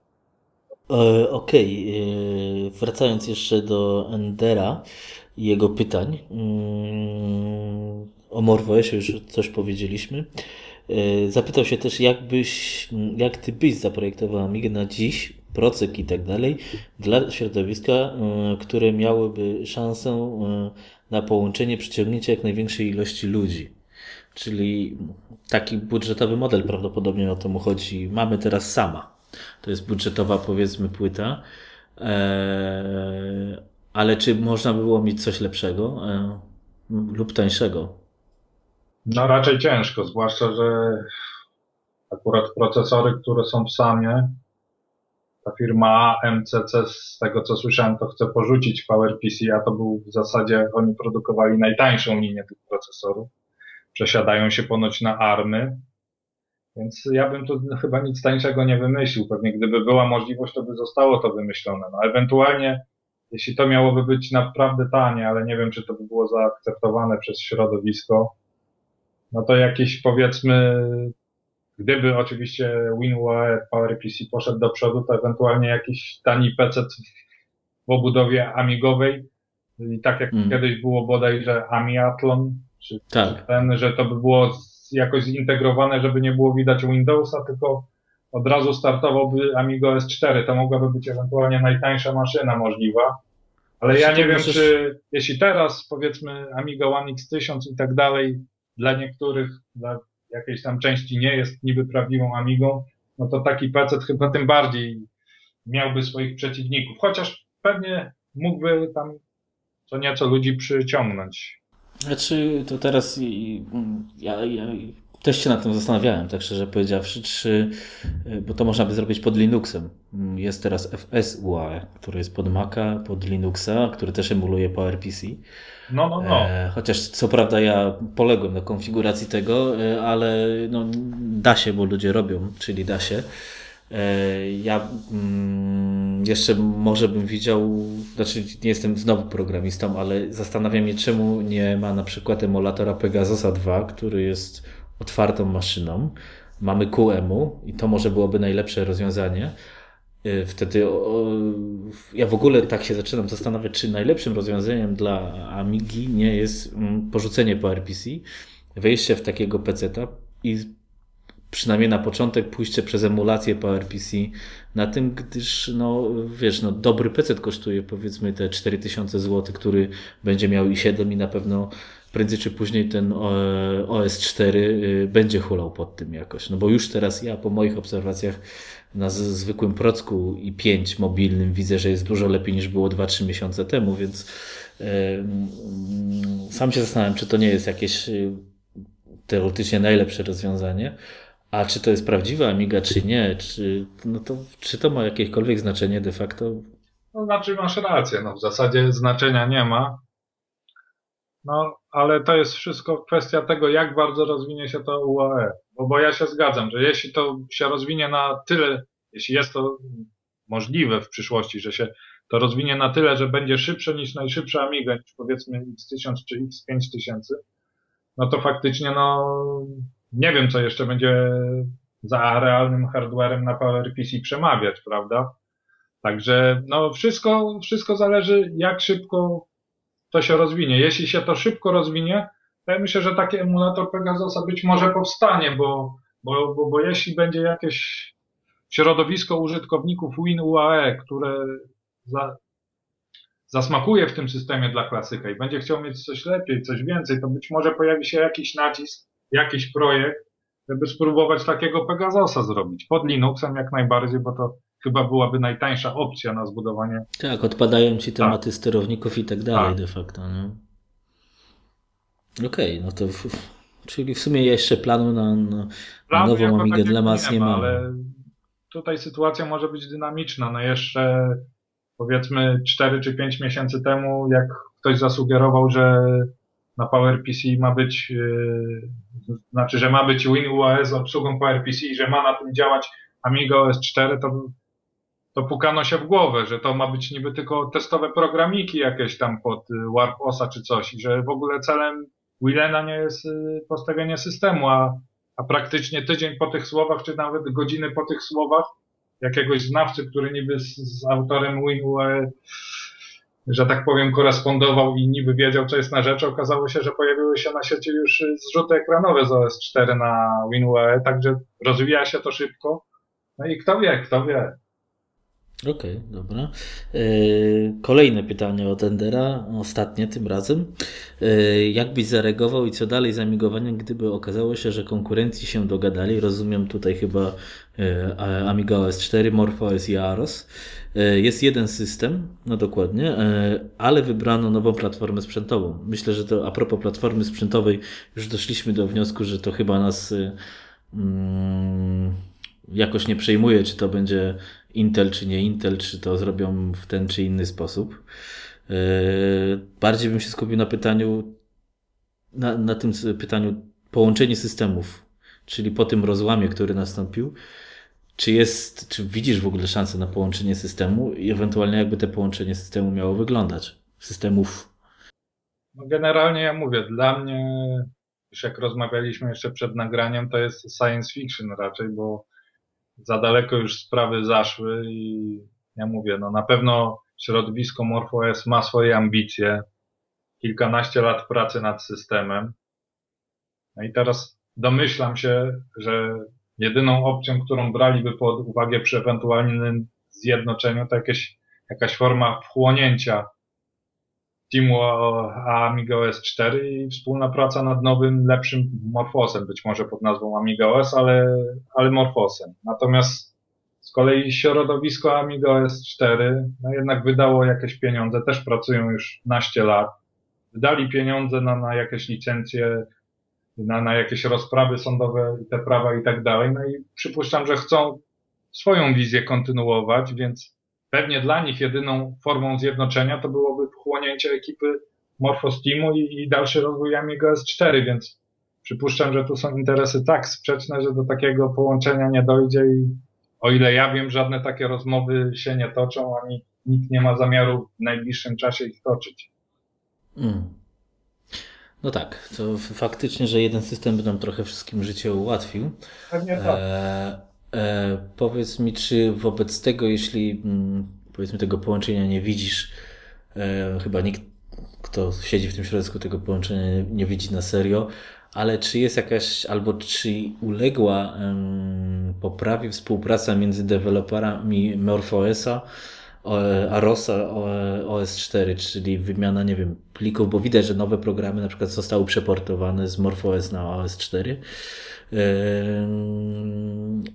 Czy jest jakaś lepsza szansa współpracy? Czy to ulega poprawie w, ob, w obu kierunkach? Z racji, że no, oba systemy nie są mainstreamowe i nie mają przysłowiowego Dropboxa, co wspominaliśmy. I każdy na tym może jakoś zyskać de facto. Czy będzie to ulegnie poprawie, czy uległo to poprawie? No mi się wydaje, podobnie. że uległo, że już uległo. Generalnie mi się wydaje, że czasy największych wojen są chyba już za nami, bo mi się wydaje, że jest zdecydowanie spokojniej niż, niż nie wiem, 8-10 lat temu ogólnie. Już ludzie się postarzeli, kto miał się wykłócić, to się wykłócił. I, i, I współpraca jest, efekty są. No tu wspominasz o przeglądarce, która jest powiedzmy dzięki, dzięki inicjatywie, a dzięki temu, że, że, że, że, programista z Morfosa się zgodził, no nie za darmo, ale się zgodził, w drugą stronę można powiedzieć na przykład o EUA Elite, prawda? Tak z mm. kolei programista z, ze stajni Amiga OS4, który też się zgodził, że, że będzie jak najbardziej nie będzie miał nic przeciwko temu i wspierał wersję dla MorphOS. Także są jakieś przykłady, teraz najnowsza, bo, bo, bo nagrywamy, nie wiem czy słuchacze wiedzą, bo pewnie za kilka tygodni to nagranie odsłuchają, ale nagrywamy to w Andrzejki, więc teraz najnowsza sprawa, która jest na tapecie na Amigans.net, to jest sprawa mm, lepszego użycia Altiveka pod, tak. pod i tam też już są pomysły, żeby się dogadać z MorphOS-em, żeby wspólnie zrobić jakąś zbiórkę, bo oni też na tym mogą skorzystać. Także współpraca jest na pewno lepsza i jakieś tego owoce są. Czyli jest um, cień nadziei na poprawę de facto, bo de facto... Systemy są chyba podobne, więc yy, no czemu nie? No mogą obydwie, chyba nie ma już takiej rywalizacji w sensie takim, że nie wiem, że nie dam drugiemu, żeby... Znaczy, bo to de facto ta rywalizacja nie ma sensu. No to, to, nikomu na, na, na plus nie działa, a, a... Nie podbije się. Za... Dokładnie, żaden system to jest Y, oba, czy, czy nawet trzy systemy, bo ciągle pomijamy teraz w naszej rozmowie tego Arosa, no tak. który jest takim otwartym amigowym systemem, to są systemy wybitnie niszowe i bez współpracy między sobą no, to będą jeszcze bardziej niszowe niż są, czyli już kompletnie będzie kaplica. Więc de facto trzeba dogadywać się ze sobą. To jest chyba jedyny sensowny sposób na jaki taki rozwój tego naszego. Znaczy się, mi się wydaje, akurat ja sobie nie mogę przypomnieć, dlatego ja go pomijam, choć pewnie, zapewne takie, takie przykłady też są, że, że Aros dał coś tam środowisku Amigo S4. Na pewno z tego, co słyszałem, to dosyć dobrze chyba wygląda ta współpraca na linii Aros MorphOS. Tam, tam, tam chyba lepiej to wygląda, ta wymiana i tam no, no, oba środowiska na sobie więcej skorzystały. Natomiast ja sobie teraz nie mogę przypomnieć żadnego projektu z Arosa, Chociaż niewątpliwie takie projekty potencjalnie by były, bo choćby Aros Magalium, prawda? Czyli pożądaną rzecz bardzo przez środowisko Amigo S4.1. Dokładnie, więc no może warto popróbować. No jest, jest to jakaś, na pewno, na pewno, ale mi się wydaje, bo to chyba znając życie, przepraszam, znając życie mówię, o ile pamiętam, to, to, to daje się robił Polak, Krzysztof Śmiechowicz i on chyba raczej nie był zainteresowany. Wydaje mi się, że jakieś tam nieformalne propozycje były. Może się mylę. W każdym razie, no, na pewno Krzysztof wie, no, jeśli śledzi Amigowe fora, co jest celem Amigo S4.1 i na pewno, no, gdyby chciał, to pewnie mógłby zgłosić swój akces, więc no nie, nie zawsze jeszcze to się układa tak, jakby się mogło układać. Pewnie nie w, każdy, nie w każdym przypadku akurat są pozytywne przypadki, jak ten, jak choćby ta przeglądarka OWB czy, czy, czy EUAE, ale na pewno jeszcze są pola, gdzie dany programista decyduje, no to jest w sumie jego prawo, że wspiera tylko tą i tą platformę, no i ma do tego prawo, no i trzeba to uszanować. Okej, okay, to według Ciebie, bo wspominałeś o cela, celach Amiga OS 4.1, e, powiedz mi Twoim zdaniem, jaki jest w ogóle y, cel y, Hyperionu, Aeonu i, i, rozwoju tego, jak, dokąd oni chcą y, zmierzać?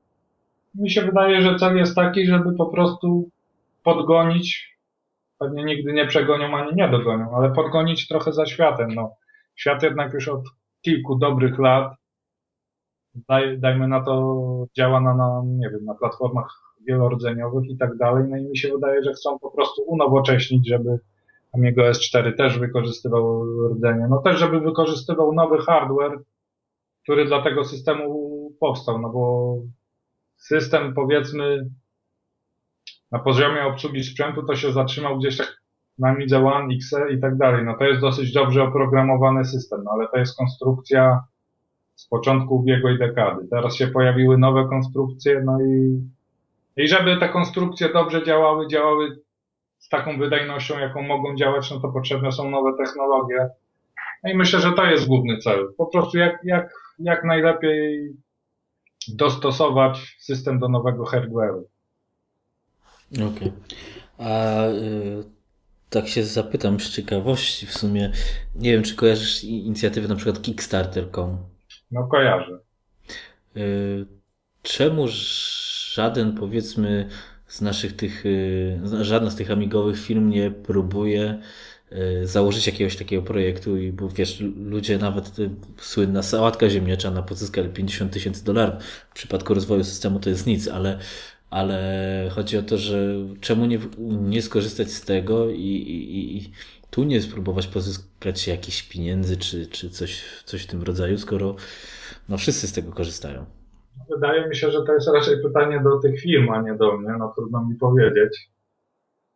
Mm. No jest to na pewno jakaś droga, no ale nie wiem, nie wiem, no wiesz, no to jest pytanie raczej do Aeonu, do Hyperionu, nie jest to pytanie do mnie, no bo ja może bym spróbował, gdybym miał firmę, natomiast no nie mam, nie wiem czemu, nie wiem czemu mają taką, sobie obrali taką, a nie inną drogę finansowania.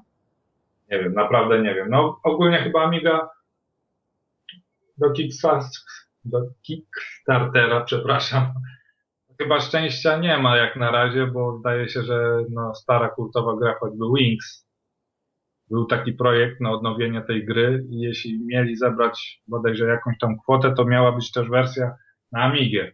Oczywiście chyba na Amiga OS 4, bo raczej technicznie chyba na na klasyczną byłoby ciężko to przenieść. I zdaje się, że kwota została uzbierana, no ale ze względu na bariery, choćby być może ze względu właśnie na brak wspomnianego Gallium 3D, no to to nie zostało przeniesione, także no albo po prostu nikt nie chciał kupić y, Amigi za 3000 euro, żeby coś zaprogramować, bo też tak może być niestety, nie? No być może, być może. Chociaż wydaje mi się, że akurat y, Dickinson jest człowiekiem, który przynajmniej kilka tych amik rozdał, w cudzysłowie, znaczy się dał jako rozdał lub wypożyczył, jak to nazwać. W każdym razie jako, myślę, że gdyby, gdyby, gdyby była poważna, że tak powiem, nadzieja na to, że, że, że coś z tego wyjdzie, to być może on by tym ludziom odpowiedzialnym za Wings taką Amigę udostępnił. Mhm. A wobec tego, e, czy załóżmy, że jestem programistą i chciałbym coś pisać dla OS4, mogę się zgłosić do Trevora i powiedzieć, please użycz mi tutaj sprzętu albo zasponsoruj mój, a napiszę ci, nie wiem, cywilizację 8000 nową. Znaczy podejrzewam, że musiałbyś najpierw się wykazać, że rzeczywiście coś tam robiłeś.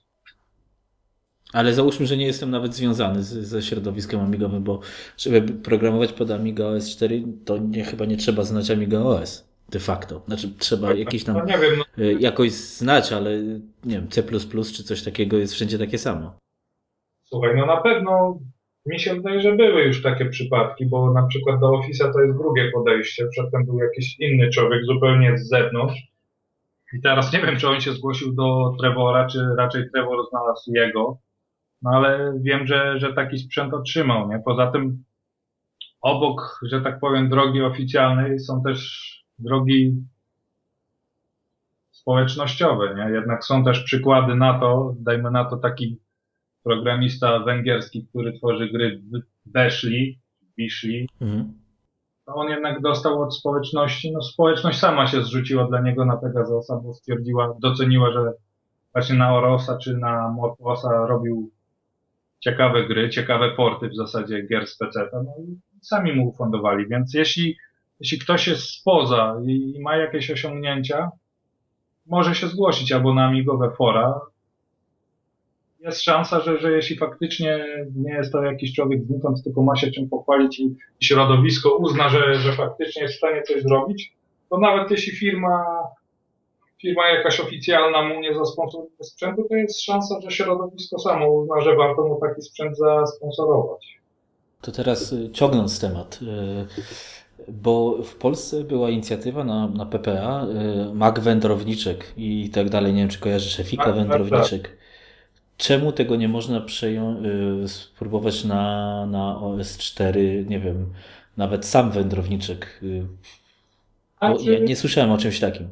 Znaczy ja na moim forum bodajże kilka lat temu był, był taki pomysł, żeby to skopiować, ale po, no, ja nawet myślałem o tym, ale, ale jak zobaczyłem jak to wygląda, znaczy się konkretnie jak zobaczyłem problemy, jakie tam były właśnie w przypadku tej inicjatywy na PPA, że ktoś nie chciał oddać sprzętu, to stwierdziłem, że, że no nie wiem, nie wiem czy się jest sens to bawić, no bo faktycznie taki sprzęt trochę kosztuje, ludzie się złożą, potem gdzieś to zginie albo się zepsuje i ja stwierdziłem, że ja robię i tak już dosyć dużo dla środowiska i ja sobie, bynajmniej ja sobie to odpuściłem, natomiast pomysł sam sobie jest dobry.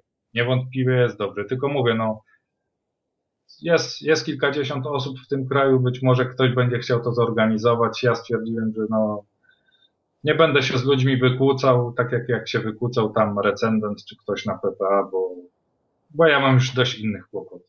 Okej. Mm, Teraz y, wobec tego, nawiązując do tego tematu, bo to jest związane, jest to pytanie od szamana z. Ym, Czy nadal uważasz, że uda się nam się spopularyzować Amiga OS 4 w- i nowe Amigi w Polsce? Czy może e, nam w tym pomóc WinUAE, to co już mówiliśmy, z emulacją PowerPC, e, żeby rzucić trochę światła, e, no, użytkowników Amiga OS 4, czyli tej wersji oficjalnej powiedzmy systemu w Polsce jest bardzo mało lub można powiedzieć, że praktycznie pomijalnie. E, I faktycznie to, co on pyta, czy przez UNUAE lub inaczej jesteś w stanie spopularyzować e, jakoś ten system, żeby chociaż, nie wiem, było ich 100, 100, 150, bo użytkowników MorphOS-a e, jest dużo więcej. To też na pewno wynika z ceny, no bo cena próg wejścia w Amiga OS 4 teraz to jest, y, nie wiem, 3-4 tysiące złotych, tak? Minimum, powiedzmy, mówimy nowym sprzęcie, tak? Próg wejścia w użytkowanie MorphOS to jest, jak wspomnieliśmy, y, około 200 euro, powiedzmy, a w przypadku Arosa no, to jest y, 0 No tak. złotych. Więc co można by zrobić, żeby i czy jest w ogóle szansa spopularyzowania OS 4 w Polsce? Bo ja uważam, że tylko przez UNAE z racji polskich zarobków jest to niemożliwe, E, ale WinUAE może w tym przypadku pomóc. Znaczy, ja robię to, co robię cały czas. Cały czas się staram popularyzować właśnie, choćby prowadząc bloga i forum i, i to mogę robić. No, bywam na spotkaniach. Teraz akurat w tym roku też miałem zaproszenia na RetroComp, ale no, z przyczyn, że tak powiem, rodzinnych nie mogłem być. No i to, to jest to, co ja mogę zrobić. No, ja mogę jedynie zrobić sam z siebie to, co robię dotychczas, czyli pisać i szamanowi też radzę trochę więcej pisać też nie tylko o starych grach, ale o Amiga OS 4, bo, bo tylko, no, wydaje mi się, że zwykły człowiek tylko to może zrobić.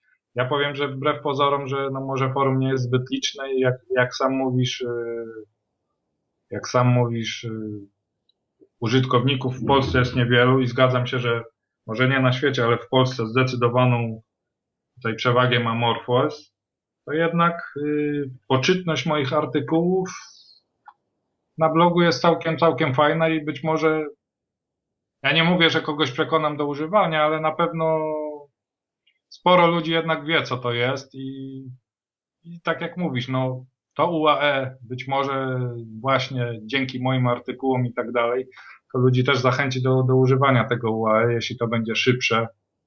Jeśli załapią bakcyla poprzez to UAE, to być może faktycznie będą chcieli coś szybszego, coś lepszego i wysupają te parę tysiaków, chociaż to nie jest łatwe. Pchać się w niszowy sprzęt, który nie ma ani, nie wiem, procenta, promila oprogramowania takiego jak na Windows. No ale różni dziwacy są. Mówię, no na pewno WinUAE jest, jest jakąś drogą. Ja, ja cały czas będę twierdził, że to nie jest droga na to, żeby nie wiem, być wiernym użytkownikiem, żeby używać to na co dzień, ale na pewno jest to jakaś droga do poznania i do ewentualnego przejścia o krok dalej. No taki pakiecik Amiga Forever wersja OS 4 no byłby zacny, można powiedzieć. No tak. Te, te, teraz, te, teraz sam kupiłem, bo była aktualnie, tak jak my dzisiaj to nagrywamy, do, do, do, do jutra jest promocja na Amiga Forever e, za 10 e, bodajże euro, bo ja kupuję to w Niemczech, to mi łatwiej na euro mówić. Mam Amiga Forever C64 Forever, czyli oryginalne ROMy Workbencha za 10 euro. To jest nic. No tak. Nawet na polskie warunki to jest nic. E, więc w tym wypadku, jeśli by coś takiego nawet kosztowało, powiedzmy te 30, bo to teraz jest promocja, normalnie 30 euro, no to jest yy, tak jak, czy tak jak system teraz ma kosztować yy, ten update 30 euro. Powiedz mi, co na ten temat sądzisz, że update jest płatny do Final Edition systemu OS 4, bo tutaj też było sporo protestów, aczkolwiek jednak E, z tego co ja wiem, to nie trzeba mieć poprzednich wersji, więc e, moje zdanie jest takie, że mm, właściciel robi słuszną poniekąd politykę, bo chce za niewielkie pieniądze e, zyskać trochę pieniędzy na swój rozwój, bo musi, bo to jest firma, a jednocześnie za 30 euro to praktycznie każdego stać, żeby sobie ten system mm, kupić. Może ogólnie co możesz powiedzieć, jeśli cokolwiek możesz powiedzieć o, edycji Final Edition, kiedy ona się pojawi i, i no, tak mniej więcej. Znaczy, jeśli chodzi o cenę, no to przyznam Ci rację, że tak, no jest to dla świeżego, dla nowego użytkownika, który chce wejść gdzieś tam z zewnątrz, no to jest super cena, bo nigdy takiej nie było. Nawet tam w czasach 3.9, 3.5 to to kosztowało trochę więcej. Yy, jeśli chodzi o, o to, że to jest płatne uaktualnienie, no, no to jest kontrowersyjne, to, to się zgadza i to, to było, były nawet kontrowersje wśród beta testerów niektórych, toczyła się dyskusja, czy tak powinno być. Natomiast też no, była argumentacja taka, że system jest rozwijany praktycznie od 6 lat za darmo. Ludzie zapłacili za to w 2008 roku, od tego czasu było kilka dużych uaktualnień i to wszystko w zasadzie było na barkach Hyperionu, więc te 30 euro to też nie jest jakiś wielki majątek. Jakby to rozłożyć na 6 lat, to już w ogóle. No także, no tak, tak zdecydowano, no jest to kontrowersyjne, no ale mam nadzieję, że mimo wszystko przyjmie się, no bo, no bo mówię, no, no to jest hobby, no hobby czasami musi kosztować, no i to też nie jest nie jest, jak sam mówiłeś, mainstream, no musi być jakieś finansowanie, a, możliwości finansowania Hyperion ma niewielkie, więc warto to zrobić choćby po to, żeby nie wiem, zmotywować lepiej Hyperion i, i spółkę do, do pracy nad 4.2. Natomiast co, co wniesie Final Edition? No, zakładam, że prawdopodobnie emisja będzie już po premierze. Premiera, jak sądzę, będzie na gwiazdkę. Sądzę, to jest częsta praktyka Hyperionu w przypadku różnych uaktualnień i tak dalej, więc myślę, że, że teraz ten, ten termin też będą się chcieli, chcieli się w tym terminie złapać. No słuchaj, no będzie gwoździem programu, no to będzie nowa konsola. Konsola, bo, bo praktycznie konsola, która jest w AOS 4.1 niewiele różni się od tej z 3.1. Tam zmian wielkich nie było, no tutaj będzie będzie rewolucja. No, będzie jeszcze kilka innych zmian, ale może ja też nie chciałbym za dużo mówić, bo, bo, bo, bo, bo nie wiem. Tak, przypuszczam, że będzie, jak mówię, na gwiazdkę ten system, ale znając amigowe realia, nie zdziwiłbym się, nie mogę przynajmniej tego wykluczyć, że nie będzie w styczniu bądź w lutym. Nie chciałbym też tu jako beta tester uprzedzać faktów i, i mówić. Okay. Ale używasz tego systemu obecnie, tak? Znaczy, ja używam już trochę nowszego systemu, bo, bo generalnie moim podstawowym systemem to jest ten system beta testerski. O ile, o ile on, e, o ile on powiedzmy nie sprawia mi jakichś tam problemów, nie zawiesza się, a, a mimo wszystko. Czyli, czyli mogę cię pociągnąć, że używasz 4.2 za język. Znaczy tak, po, powiem tak, yy, powiem, może jeszcze inaczej powiem. Yy, biblioteki i tak dalej, numeracja bibliotek dla, dla, dla Amigo S4.1 zaczyna się od wersji 53, coś tam, coś tam. Mhm. Już w tym Finalu, bo oczywiście Finala też zainstalowałem sobie. Jak mówię, nie używam go może na co dzień, ale, ale mam, mam partycję z tym, z tym systemem i od czasu do czasu go też włączam. To już ona ma kilka nie wiem, jakiś tam procent wersji 54, czyli wersji elementów, które docelowo powinny znaleźć się dopiero w wersji 4.2. A ta wersja, którą ja mam, to ma procent tych bibliotek i różnych komponentów w wersji 54 znacznie więcej, ale nie znaczy, że to już są wszystkie. Są jeszcze rzeczy, które no, trzeba. Także to jest to jest tak, to co ja teraz używam, to jest coś więcej niż Final, ale jeszcze nie, nie nazwałbym tego 4.2. Okej, okay, czyli yy, wracając do szamana, on tu się pytał yy, w, w, pierwszym pytaniu, Amiga OS 4 ma, po, yy, OS 4 ma pojawić się obsługa dwóch rdzeni.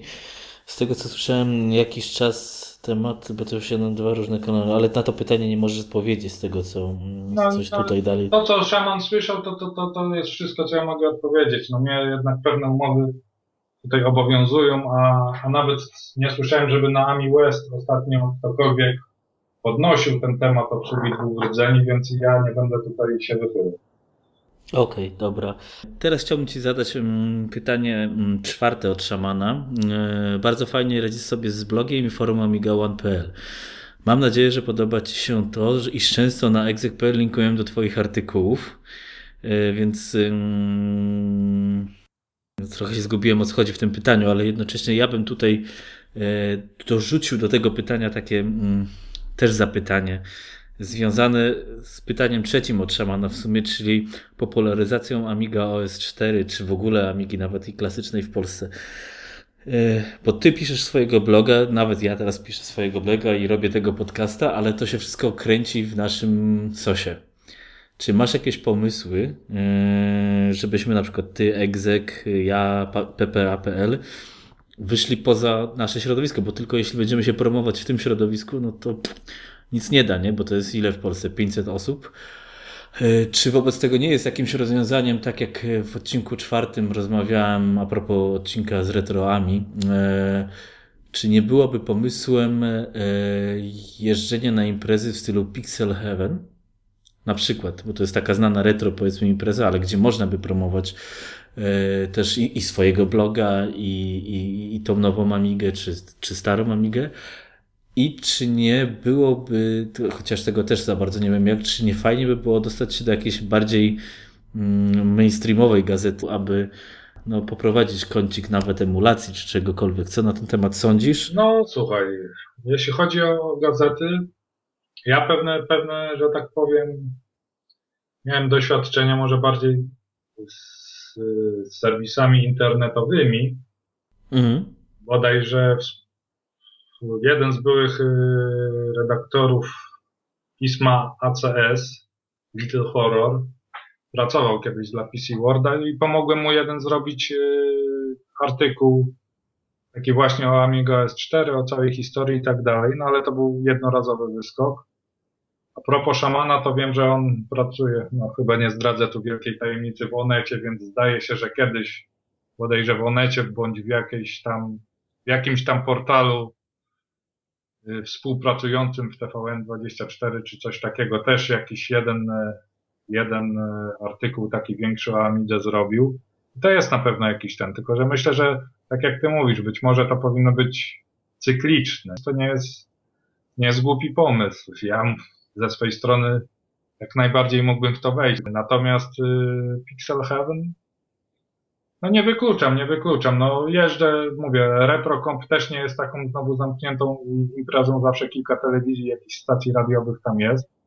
Pixel Heaven powiedziałem przykładowo, no ale jest takich parę imprez, jest nawet y, Poznań Game Era, y, gdzie no to są stricte graczowe rzeczy, no ale to powiedzmy przychodzą te nerdy i zawsze ktoś by coś gdzieś zobaczył, bo tak de facto y, właśnie to, co, co, co powiedziałem, no, jesteśmy we własnym sosie. No jesteśmy. Emerytów i rencistów w sumie jeszcze na dokładkę, bo nasze środowisko ma przeciętnie około 40 lat. No tak, tak. No, no tak, no wiesz. Gdyby były złote środki, to, to pewnie już ktoś by ich użył, tak jak mówisz, no, no, no, co, co tu można zrobić? Teoretycznie internet jest otwarty. Ktoś wpisze gdzieś tam frazę Amiga, nawet w zupełnie innym celu i, i tu trafi, nie? No, ale to, to tak jak mówisz, no to jest generalnie własny sos, no ale no, nie wiem, nie wiem, nie wiem jak to skomentować, no nie mam niestety własnej stacji telewizyjnej czy coś, żeby kupić czas antenowy i promować Amigę, no niestety. Realia są jakie są. Tak, tak. Nie, nie, chodzi mi, wiesz, bo sam się nad tym zastanawiam, czy, czy, czy jesteś e, w stanie, czy ja na przykład jestem w stanie, no bo ja też ten e, podcast robię, ale też mi się wydaje raczej, no wiesz, po statystykach nie widzę, e, kto, z, kto ma jaki komputer w domu, bo niestety tylko pokazuje mi jakie przeglądarki i tak większość to jest wejść na bloga czy na ściągnięcie podcastu, no to jest Windows. I to wiesz, no podejrzewam, że z tego Windowsa to jest większość raczej amigowców, ale w, czy ja trafiam poza środowisko nasze około amigowe, no tego nie, nie wiem, bo nie bardzo się w sumie mm, wiem, jak to wiedzieć. A, a może by było sens, chociaż nie wiem, czy na tematy, które my teraz poruszamy, gościa, który w tym nie jest związany, może cokolwiek interesować. No. W sumie to jest też dobre pytanie. No tak. No gościa, no, co może interesować typowego, typowego gościa? No pewnie, czy może zrobić przelew w banku, wysłać pocztę i tak dalej. Więc ja informuję, że na Amidze można to zrobić. Y, chociaż jak, jak sam powie, jak sam wspomniałeś, nie można zrobić wszystkiego, choćby ten Dropbox. Natomiast jest jeszcze pytanie, no ilu jest takich ludzi, którzy zapłacą za tą zabawkę dwa, trzy razy tyle za PC, żeby robić to samo, co na PC. Często gorzej i wolniej. No. No tak, to jest właśnie. To, to... Ale, ale zawsze, zawsze są ludzie, którzy chcą być inni od głównego nurtu. No jednak Linux zdobył popularność. Ileś tam innych platform zdobyła popularność, więc na pewno jest jakaś nisza jeszcze niewykorzystana dla. Znaczy wiesz, no nie, nie da się ukryć, że myślę, że Amiga OS 4 czy ogólnie amigowe systemy yy, no mogą śmiało korzystać i, że tak powiem nieładnie, jechać na, na tym, co Amiga klasyczna dała ludziom, no bo większość ludzi, co prawda z 500 kojarzy, ale raczej pozytywnie te czasy. Więc no to jest, to jest ten duży plus, który jednak ten, ta nazwa ma, bo Dużo osób mówi, że tu chyba jest nawet takie pytanie, ale to zaraz dojdę, ale dużo osób mówi, że na przykład ty, y, czy użytkownicy OS4 przy, przykładają wagę do naklejki, A. do znaczenia naklejki, no ale de facto naklejka ma znaczenie, bo jeśli y, Powiedzmy, ja robiłem mami Wigilię w Poznaniu e, i przychodził gościu, który no coś tam gdzieś miał 500 i słyszał i mówiłem, patrz, to jest nowa Amiga i to jest Mac Mini z MorphOS-em. No to, no, to, no to nie mówi. No, tak samo w sumie z Pegasusem było, no bo to też nie jest Amiga, ale, ale już sama nazwa systemu, no jednak mu się bardziej kojarzy. Chociaż też nie, pewnie nie do końca, bo jakby się nazywał Super Frog, to najbardziej mu się kojarzył. E, lub Lotus Turbo Challenge, ale de facto no, jest to jakiś plus mieć swoją markę, która jest jakoś tam znana. Co na ten temat sądzisz? No niewątpliwie, nie? No, gdyby, gdyby to nie był to by Hyper nie toczył batalii sądowych z Amigą, a, ale no Marka to jest duży plus, ale, ale to nie tylko marka, bo, bo, bo za tym kryją się źródła, Y, prawa do pewnych nazw i tak dalej. No nieprzypadkowo, nie wiem, MorphOS nie ma Workbencha i tak dalej. Nieprzypadkowo nie ma Kickstartu właśnie wspomnianego i tak dalej. A co do kultu naklejki, to to, to jest y, sztuczne dla mnie stwierdzenie i tak dalej, no bo to z tego tak by wynikało, że nie wiem, użytkownicy Amiga OS 4 to jacyś idioci, którym nagle jacyś kosmici czy ludzie z zewnątrz nie wiadomo co wrzucili skrzynkę, nakleili nalepkę z napisem Amiga i, i oni patrzą na to z wywieszonymi językami. No, a przykład choćby niesławnego Commodore USA, gdzie była naklejka, a, a środowisko się na to wypięło, to najlepiej pokazuje, że kulty naklejki to jest to jest stwierdzenie nieprawdziwe, a, a po prostu to, że teraz Amiga One wygląda tak, jak wygląda, to jest konsekwencja pewnego rozwoju, który być może dla ludzi, którzy właśnie na etapie Superfroga gdzieś tam w 94-5 roku skończyli przygodę z Amigą, to to się wydaje, że teraz, teraz to jest nie wiadomo co, jakieś sztuczne, ale jeśli ktoś był na przykład w końcu lat 90. i czytał, nie wiem, prasę amigową i te dyskusje o o context switchach, o tym, że PowerPC nie wykorzystuje pełnej mocy, że są problemy z zasilaniem, z chłodzeniem, żeby przydałaby się nowa konstrukcja, która by była od tego uwolniona, to by wiedział, że ta Amiga to jest właśnie jakby naturalny rozwój, to jest spełnienie tego, co chciało środowisko, a, a ludzie, którzy stoją za tą Amiga One, to nie są ludzie z zewnątrz, tylko tacy sami ludzie, którzy się z tego środowiska wywodzą. No tak, no wiesz, to yy jest też, też, też, też batalia, żeby nie nazywać Amigi klasycznej klasyczną, bo, bo to jest niby jedyna prawdziwa Amiga, ale de facto nikt nie wie, jakby to, jak to mówisz, jakby to się rozwi rozwijało za, za, za czasów Commodore. Prawdopodobnie tak czy siak, co nawet widać po, po Apple. Oni też A, przeszli w, prawda, właściwie w stronę PC. Prawdopodobnie byłaby bardziej specetowiała, że tak powiem, w cudzysłowie, niż, niż, niż jest dziś. Prawdopodobnie byłby to zwykły PC, jak, jak w przypadku Maca. To były też, też y, inne czasy wtedy, że były specjalizowane chipy i to każdy mógł samemu zrobić, a teraz no to wiesz, no na przykład wielka wojna jest między użytkownikami Apple a Samsunga, znaczy może hejterami Apple ze strony Samsunga i odwrotnie, ale Samsung jest największym dostawcą procesorów dla Apple'a, dla jego urządzeń, więc no tak, no tak, tak wygląda tak. świat, więc tak, samemu tak. nie jesteś w stanie nic zrobić, nie w dzisiejszych czasach. Znaczy jeszcze może Wszystko... też warto wspomnieć tutaj jeden ze starszych wywiadów z Dave'em Heinim. E, e, w Total Amiga on się ukazał. Można chyba, zdaje się, wszystkie Total Amigi w PDF-ie pobrać z PPA. No to tam on właśnie, gdy się bawił trochę z Amiga S4, to mówił, że to jest, no to jest system Amigi, stary, dobry, ale gdyby Commodore nadal istniał, to ten system wyglądałby już zupełnie inaczej, czyli w domyśle by miał o wiele mniej cech tego klasycznego OS 3.1 niż, niż, ma, niż ma to 4.1. Bo po prostu, no, no weźmy znowu przykład Apple'a, nie? Co ma OS X wspólnego z tym starym? No to tam zaszła duża rewolucja. A Amiga OS 4.1 mimo wszystko jest mocno, mocno zakorzeniony w tym Amiga OS 3 i no tylko ci, którzy nie widzieli tego systemu, to to mogą twierdzić, że to nie wiem. Linux czy, czy, czy coś w tym stylu. No tak, bo, bo, bo, feeling jest faktycznie taki jak, jak w klasycznym systemie. To, Zdecydowanie to... chyba się zgodzisz, chociaż może to jest kontrowersyjne, a ty chciałeś unikać y, tematów kontrowersyjnych, ale zgadzasz się, że chyba feeling jest lepszy w Amigo S4 niż w MorphOSie. Jeśli chodzi o, o nawiązanie do, do, do tych, tych.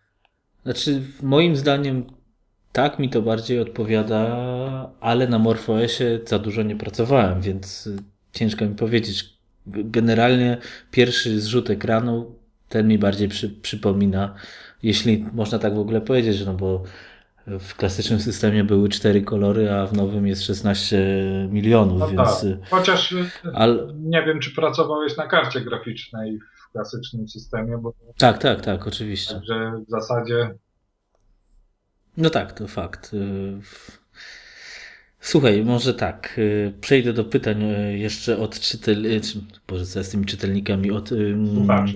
słuchaczy. Byliśmy tu, może zacytujemy teraz Amigowiec z krwi i kości. A propos właśnie klasycznych Amig i tak dalej, czy, tak, czy także uważasz, że klasyczna Amiga to już przeżytek nadający się jedynie na wspomnienki dawnych lat? No jak już wspomniałem wcześniej, dla mnie podstawą, absolutną podstawą jest przeglądarka. Klasyczna Amiga przeglądarki jako takiej nie ma, pomijając oczywiście PowerPC, bo myślę, że no ten PowerPC nie, no, takim jak... Też... Znaczy jest, jest, ja wiem. Chciałeś tutaj powiedzieć o NetSurfie, tak, zgadza się, jest, ale chyba przyznać, że w porównaniu choćby do takiego Odyssey, czy, czy tam Timberwolfa, to jednak jest to jeszcze wciąż krok do tyłu.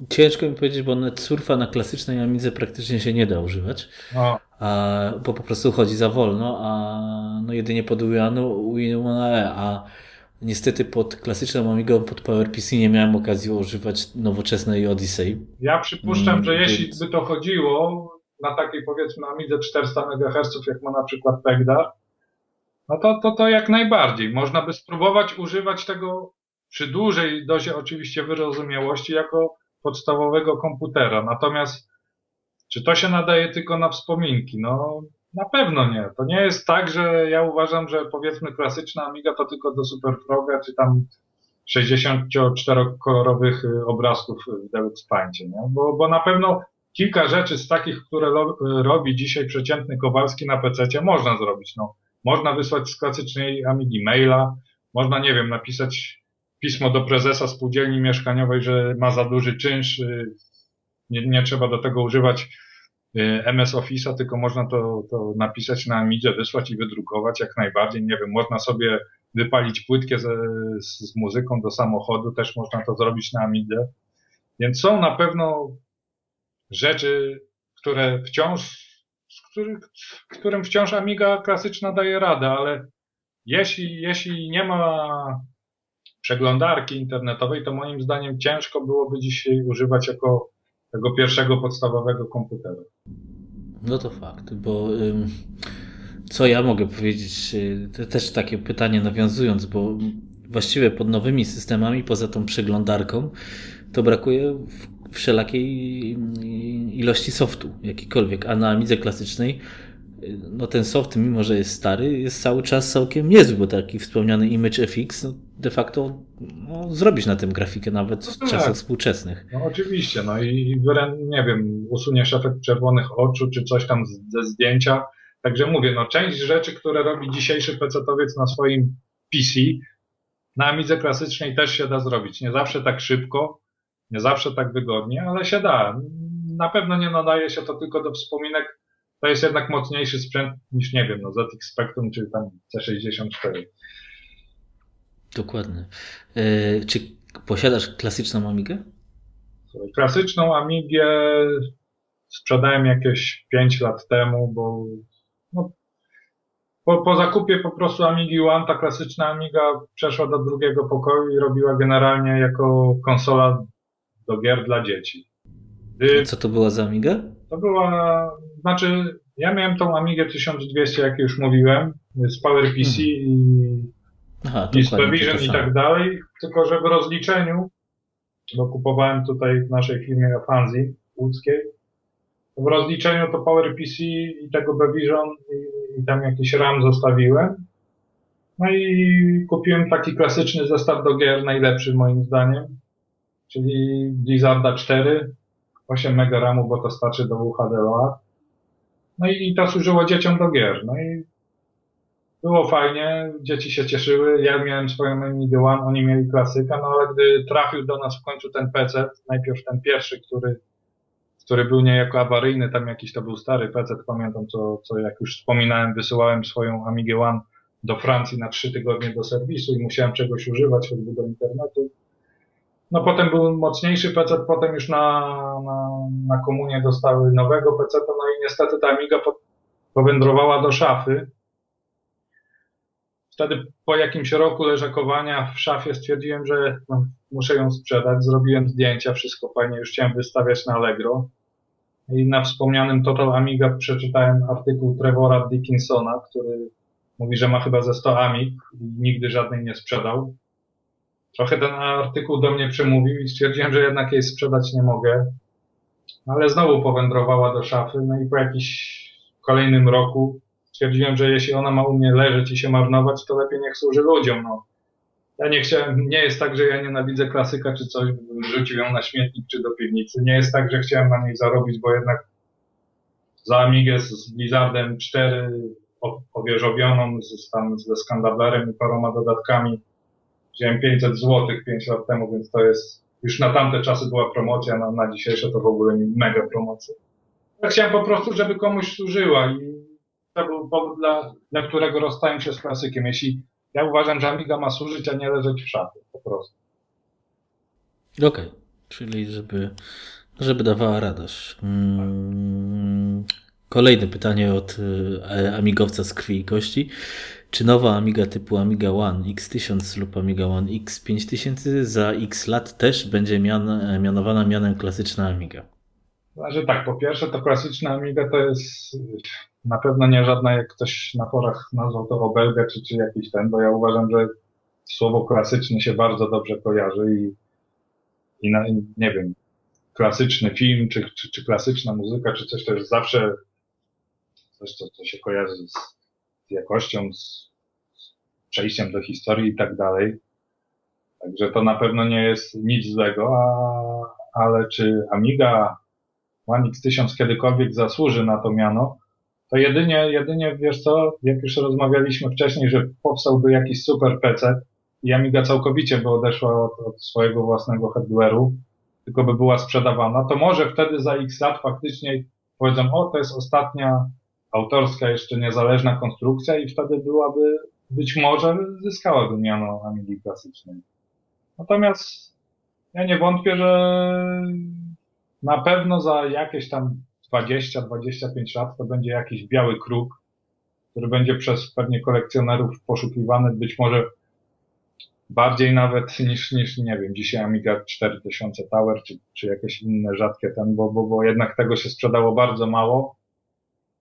Na pewno, na pewno, na pewno to swoją wartość kiedyś tam będzie miało i będzie sprzętem poszukiwanym. Czy, czy zyska miano klasycznej, nie wiem, ale ja bym był zadowolony, gdyby zyskał. Okej. Okay. E, słuchaj, co tu jeszcze mamy? Mamy jeszcze pytanie od szamana też, ale to już w sumie można powiedzieć, że też było poniekąd właśnie przed chwilą poruszane.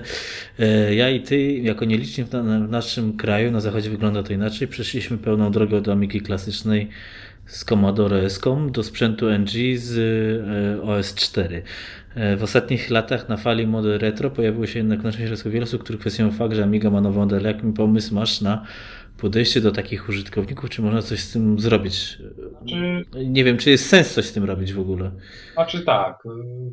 Ja widzę, że szaman na przykład y, lubi takich ludzi ignorować i to jest jak, jakiś tam sens, bo po co bo to tak samo jakby w realnym świecie, nie wiem, kłócić się z ludźmi, którzy twierdzą, że Elvis żyje. Natomiast od czasu do czasu jednak warto pokazywać pewien kontekst i ci, co przed, przeczytają drugi numer Amigazynu, to ja tam y, napisałem taki artykuł, który, no nie wiem, po prostu porównałem trochę tych amigowców, którzy gdzieś tam porzucili Amigę w 94 roku i wrócili po 20 latach i, i pewnych rzeczy nie rozumieją i nie akceptują i, i ja to rozumiem, bo nie wiem sam, czy bym po prostu akceptował taki stan rzeczy, bo, bo, bo człowiek żyje wspomnieniami, a, a jeśli nie miał doświadczeń później, to, no, no to skąd może wiedzieć, jak, jak wygląda rzeczywistość. Ale to trochę tak porównałem jak do ludzi, którzy by 30 lat temu wyjechali do Ameryki, po 30 latach z tym zakodowanym obrazem, który mieli o, o typowym polskim domu, wrócili powiedzmy do swojej rodziny i tam ze, zdziwieniem zauważyli, że na stole zamiast syfonu z wodą gazowaną stoi puszka Coca-Coli, że, że w łazience zamiast frani jest jakiś automat japoński czy tam coś i tego typu. W tym stylu ja nie chciałbym zdradzać powiedzmy artykułu, bo nie wiem kiedy się ukaże ten odcinek, ale w tym stylu napisałem artykuł, który być może trafi, chociaż pewnie yy, jest yy, ostatnio w programie trzecim Polskiego Radia taką ciekawą tezę usłyszałem. Tam jeden e, redaktor zaprosił na e, profesora znanego, który miał się wypowiedzieć na jakiś tam kontrowersyjny temat, który dzieli Polaków. Redaktor zaczął od tego, że mówi, wie pan co, ja tu pana zaprosiłem, bo ludzie chcą wiedzieć, a on mu przerwał i mówi, nie, ludzie nie chcą wiedzieć, ludzie chcą mieć rację. No to myślę, oddaję to, co jest w wami świecie. Jeśli ktoś już jakąś tezę sobie przyjął, to choćby nie wiem, jak racjonalnych argumentów y, używać, to jeśli on uważa, że to nie jest Amiga, to naprawdę ciężko będzie, ciężko niestety będzie tutaj go przekonać, że to jest, bo on po prostu chce mieć rację. No tak, tym bardziej, że no, e, no ale w sumie na bazie tego powiedz mi, mm, mm, bo masz kontakt z ludźmi na pewno z, z forum nie tylko polskich, poza Polską. E, jak, jak, to wygląda za granicą na przykład? Albo jak możesz porównać nasze polskie środowisko, które jest mniej liczne od, wiadomo, od, od, od zagranicznych? E, jakieś różnice, czy, czy nasze polskie przywary na to też wpływają na przykład? Wydaje mi się, że ci Polacy, a propos naszych użytkowników, jeśli idą gdzieś na forum międzynarodowe, to jednak oni się jakoś bardziej tonują. Jednak w tym międzynarodowym towarzystwie nie mówią tego samego, co mówią tutaj. Nie mówią tak ostro, mówią jakby bardziej dyplomatycznie. Tak mi się wydaje. Natomiast polskie środowisko generalnie to, to się trochę podzieliło. Akurat środowisko Amiga S4 prawie, że nie istnieje na PPA. Mało, mało jest ludzi, którzy tam się udzielają.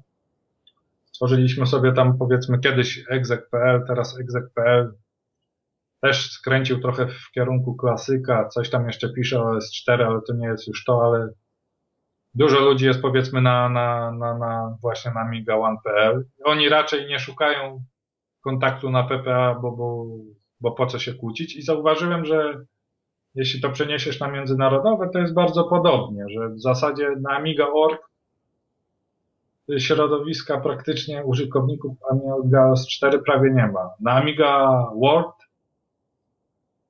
było kiedyś dużo, dużo po prostu sobie odpuściło, włącznie z praktycznie z FreeDynami. W zasadzie jedynym teraz takim, taką enklawą jest Amiga.net. I na przykład niemieckie, pewnie znasz zresztą lepiej, ale też jest taki portal jak na przykład OS4 WebD, więc mi się wydaje, że ludzie, żeby się nie kłócić, to po prostu tworzą sobie takie enklawy, gdzie mogą na spokojnie o, o swoich zainteresowaniach konkretnych powiedzieć. Tak, tak ja to widzę. Mhm, czyli czyli yy, yy, obraz tego podziału za granicą w sumie też jest może nie aż tak mocny jak w Polsce, ale... Ale jest, jest, jest, bo Amigans.net to nie powstał, wiesz, tak sobie dla kaprysu. To, to było właśnie spowodowane nieprzyjemną atmosferą, kłótniami i po prostu ludzie tam na, na zachodzie chcieli mieć coś tylko swojego, żeby im tam ktoś, że tak powiem, z innego podwórka nie wchodził i ich nie pouczał i, i, także jest, jest. Być może nie tak jak w Polsce, bo też no Polacy to jest dosyć wojowniczy naród, ale, ale jest, jest.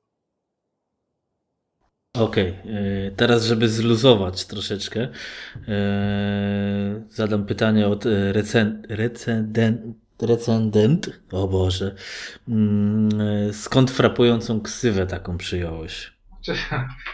no faktycznie ksywa może się źle kojarzyć, bo, bo, bo mufa to jest taka złączka na kablu, a kabel jakaś wtyczka to może się kojarzyć z jakimś szpiegostwem czy donosicielstwem. Oczywiście ja się tym brzydzę i zresztą gdyby to się z tym kojarzyło mi, to na pewno bym sobie takie ksywy publicznie nie przyjął.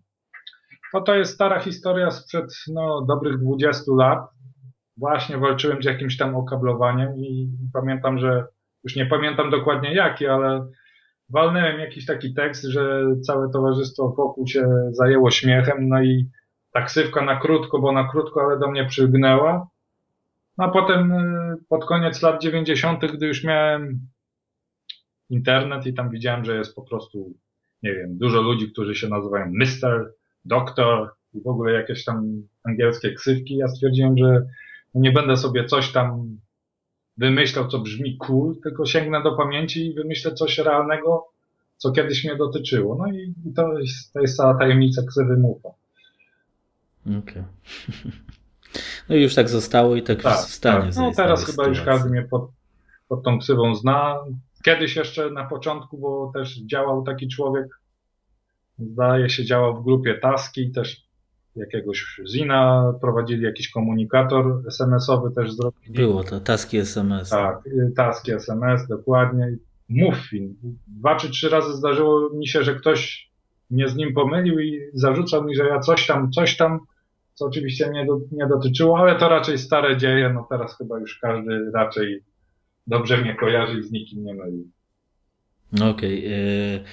Słuchaj, tak się zastanawiam, w którą by stronę iść, bo tu jest jeszcze dużo do, do poruszenia. Na pewno bym się e, chciał zapytać, no może się zapytam nawet teraz, i, jakiego softu używasz pod OS 4, czyli e, na czym pracujesz, co byś polecił jakimś ludziom, którzy no, są nowi, odczuwają brak czegoś. No, przeglądarkę już mówiliśmy, OWB używasz. E, no tak. Timberwolfa, Timberwolfa. czasami, ale i czasami, dokładnie. On pod OS, pod X1000 też nie jest taki zbyt super szybki chyba, Znaczy nie? on generalnie to na początku był bardzo szybki. Naprawdę super szybki w porównaniu do innych konfigów. Teraz ja już go, bo, bo powiedzmy ta instalacja, no on nie jest już też rozwijany, nie wiem, półtora roku albo lepiej. I tam po prostu trochę się nazbierało w nim śmieci i tak dalej. On już nie chodzi tak szybko jak kiedyś, ale jednak w porównaniu, bo miałem okazję widzieć Timberwolfa na sam 460, no to to jest nieba ziemia. No. no Timberwolf jak na świeżej instalacji, jak był świeży, jak byłem w Warszawie na jednej imprezie, no to mi się uruchamiał chyba bodajże, nie wiem, 3-4 sekundy, a gościowi samym minuta, półtora, no nie chcę teraz skłamać, ale była kosmiczna różnica.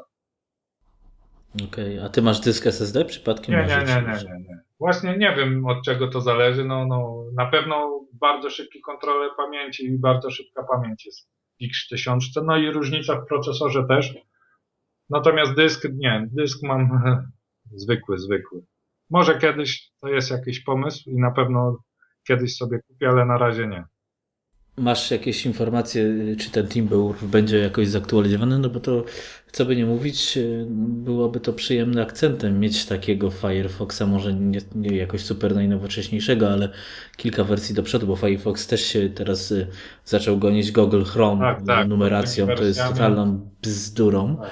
E, ale no y, ten Timberwolf już ma chyba dwa lata, przydałoby się nowszy, bo no, brakuje na, tak jak mówiliśmy na Amidze, mm, świeżych przeglądarek. Jest to jeden z też z takich y, flagowych produktów znanych na całym świecie. To by na pewno pomogło marce też bardziej zaistnieć. Tak, tak, tak. No wiesz, y, Freedeni mają swoją robotę i, i sprawę przejął Steven Soli.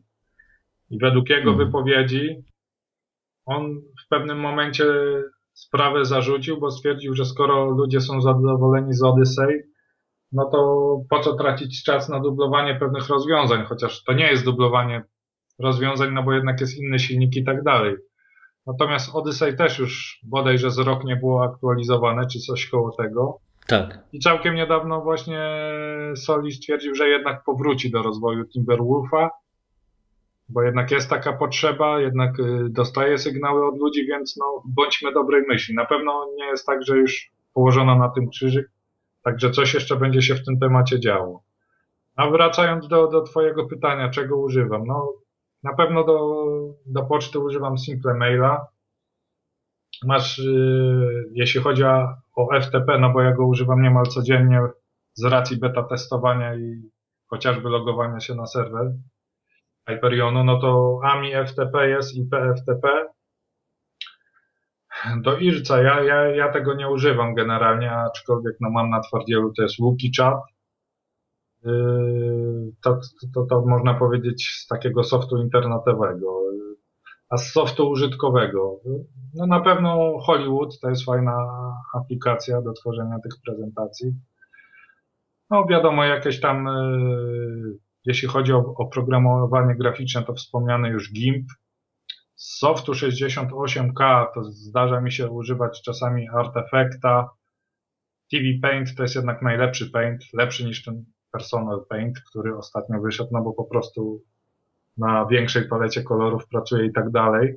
To jest inna kategoria tak, programu tak, de facto. Tak. No i co tam jeszcze? No wiadomo, jakieś playery, to, to, to Amiga Amp jest teraz chyba moim najlepszym takim tak, najczęściej tak, bo używanym, net... bo on się różni dużo od, od tej wersji dla klasyka. On potrafi odtwarzać praktycznie wszystkie moduły 600 formatów czyta, a nie tylko MP3 i tam AIFF jak, jak ten dla klasyka. No, przeglądarki wiadomo, Warp, Warp View, PP Show. Co tam jeszcze? No, jeśli chodzi o PDF-y, to raczej systemowy AMI PDF, chociaż jest też właśnie pod y, jeden z ciekawszych programów pod y, Qt, to jest właśnie QP PD View. To jest bardzo fajny program, w zasadzie jedyne narzędzie, które potrafia, potrafi czytać format DJ View, czyli format, w którym jest dużo starej prasy amigowej zapisane i nie tylko amigowej, chociaż ja generalnie jestem kolekcjonerem prasy, więc raczej wszystko mam na papierze. Yy, no co tam? Yy, patrzę tak sobie po, po tym, co mam w doku. Aha, o playerach mówiłem, DV Player, M Player. Jeszcze powiedzmy można mówić o TuneNet, ale on, on ostatnio się nie rozwija. Rozwijany, tak. Jeśli chodzi o grafikę, no to już wspomnieliśmy też o, o Blenderze. Do, do wypalania to jest płyt, to jest AMI DVD. Ewentualnie jest jeszcze też y, Frink Pen, ale to jest już program nierozwijany. W dodatku akurat w wersji dla Amiga OS 4 to jest program shareware. Trzeba mieć klucz. W sumie też jest ciekawa sprawa, trochę zaniedbana, bo autor, zresztą Polak, porzucił ten program, uwolnił źródła i na MorphOS-a właśnie, nie wiem czy też nie na Amigo S3 skompilowano nowe źródła, które nie wymagają, skompilowano nową binarkę, Coś która jest, nie tak, wymaga tak. klucza, a na Amigo S4 nadal nikt nie skompilował i wymaga klucza. Być może powodem jest tego, że my mamy kon właśnie konkurencję w postaci AMI DVD. Yy, co tu jeszcze by wymienić? To ja się zapytam teraz o dwie rzeczy może. O do Opusa, czy używasz, czyli tego Directory Opusa, który jest teraz w wersji 5.9. No właśnie ja go nie używam. Jakoś nigdy do Opusa już w czasach klasyka, nawet jak używałem, to używałem jako, jako standardowego dwupanelowca. Ja się jakoś przyzwyczaiłem do tego file mastera. Teraz używam taki program AmiDisk, to jest program w swojej filozofii bardzo podobny do FileMastera. On też jest nierozwijany już od kupy lat. No nie jest rozwijany, ale ci powiem, nie wiem jaki tu jeszcze mógłby być rozwój. No, do, moich, do moich potrzeb takich codziennych to, co jest starsze. Wiadomo, no, rozwój by się przydał, ale, ale nie, nie. No, mi to starcza do moich takich typowych, codziennych zadań i, i, i opusa jakoś nigdy mi nie podchodził. Nawet ta czwórka mi nie podchodziła. Nie wiem, może to jest kwestia przyzwyczajenia, że zawsze, że zacząłem tam jeszcze w czasach 500 od tego file mastera, no i tak już jakoś mi zostało. A kolejne oprogramowanie, które się chciałbym zapytać, czy może masz jakieś informacje LibreOffice, czyli taki Open Office, mm, bo sprawa jest w trakcie działania, tak? A możesz, może wiesz, kiedy to bardziej wyjdzie, albo chociaż coś w tym rodzaju, czy albo w jakim to czy na jakim to etapie będzie, czy to będzie też taki etap jak Timberwolf, czyli taki port powiedzmy trochę niedokończony, yy, czy bardziej to zaawansowane narzędzie będzie? No niestety, niewiele wiem akurat. Dickinson się tym nie chwali za dużo. To, co powiedział na Ami Westa, akurat ja wiem tyle, co wy. No mam nadzieję, że jak to, bo to niby miało wkrótce wejść do etapu beta testów, to mam nadzieję, że być może nam to dostarczą. No, no oby miał choćby tę, tą, tą obsługę no, polskich czcionek, bo bez tego to to jest, to nie byłoby dobre, no a Timberwolf jak wiadomo tego nie ma, co jest wielkim no minusem. Jest no, no, trudno powiedzieć. No niektóre, to, że jest jakiś duży port z innego, to nie znaczy, z innego systemu, to nie znaczy, że zawsze jest niedopracowany. Na przykład wspomniany Blender, być może, że on jest stary, ale moim zdaniem on jest dosyć dopracowany i jest kilka rzeczy, nawet pod te QT, które działają dosyć dobrze i, i można pisać po polsku i ten, także no bądźmy dobrej myśli, ale ja niestety niewiele wiem na ten temat. Okej. Okay. E, dobra, no to jeszcze jakieś oprogramowanie byś coś polecił, czy, czy mogę pytać się dalej? Znaczy, z oprogramowania, no na pewno, wiesz, tego oprogramowania, jak, jak mówię, dla mnie jest to jest to podstawowy system, więc ja w zasadzie tylko na tym oprogramowaniu działam, więc no, no trochę tego jest, ale to nie jest tak, że no nie wiem, że, że, że jest coś, co, co by się wybijało jakoś szczególnie. No jest kilka tych większych programów, które już tu wymieniłem. A to od razu pociągnę temat Amistar. Co na ten temat sądzisz? Bo zrobiłeś test, na, test tak, czy no recenzję no na blogu. Zrobiłeś. Y, dokładnie, ale teraz jest okazja porozmawiać. To może i, i, i, lepiej nawet, bo tak jak między sobą nawet rozmawialiśmy, moim zdaniem jest to duży plus, chociaż też widzę, że to też nie rozwija się e, w jakimś tam zastraszającym tempie, no ale rozumiem, że ilość osób, która tworzy ten system i która, yy, yy, no, która tworzy ten system i oprogramowanie jest mała, a poza tym większość podejrzewam, że z tych osób, to też jest właściwie dobre pytanie, yy, czy większość osób, która tworzy system, czyli core team, pracuje tylko w Hyperionie, czyli to jest full etat, czy pracują po godzinach? to jest dodatkowe zajęcie. Znaczy tak, bliźniacy na pewno pracują nad jakąś pecetową grą, bo, bo, bo, bo się tym chwalą. Więc oni mają jakiś tam etat, ale na pewno to nie jest full etat. Reszta to raczej tak podejrzewam po godzinach. Tak myślę, no przynajmniej Steven Soli, który jest no, szefem jakby deweloperów, to tak, tak przynajmniej twierdził. Jeśli on tak twierdzi, no to no to tym bardziej powiedzmy pomniejsi. Co do Amistor, ja, ja już to powiedziałem na swoim forum, że każda droga na, na, na, na jakiś tam zestaw y, oprogramowania, jeden program więcej, dwa, trzy, to jest już dla Amigi dużo, nie? Także jeśli to miało przyjść, nie wiem czy dzięki temu, ale być może właśnie dzięki temu na przykład Personal Paint powstał. Co prawda, no ta wersja wnosi jakiejś rewolucji, ale kto wie, może to się rozwinie w jakiś program 24-bitowy, nie wiem. Ale jeśli dzięki temu, że Dickinson chciał w jakiś sposób ten Amistor, ten pakiet startowy zapełnić, dzięki temu pchnęło go do tego, żeby poprosić o źródła do Personal Painta czy coś, no to to jest jakiś, jakiś plus. No taki Default Player to był jeden z najlepszych, lepszy chyba nawet niż Player w latach świetności przynajmniej jeśli chodzi o wydajność i fajną, fajną, fajne GUI i tak dalej. Więc jeśli nagle, wiesz, ten Cobra praktycznie 4 czy 5 lat był nieaktywny, już, ja już myślałem, że ten program umarł. Jeśli dzięki temu, że, że, że, że, że ten sklepik powstał, udało się go zmobilizować, no to fajnie. Ja mówię, każdy program jest na wagę złota, a sam system, sam system rozprowadzania, no ja nie jestem jego entuzjastą w przeciwieństwie do ciebie, z tego co wiem. No ale wiesz, no jak mówię, no jeśli.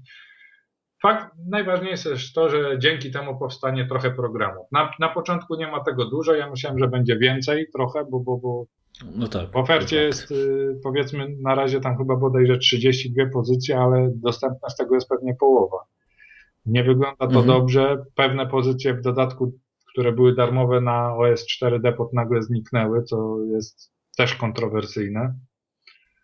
No tak, na przykład y, cały pakiet Z Tools Tak, y, tak. i te, te, te doki, no to, to było zawsze darmowe, czy Ranger i teraz, mm, teraz to nie są duże pieniądze, ale Wiesz, no to nie są duże pieniądze, tylko Hmm.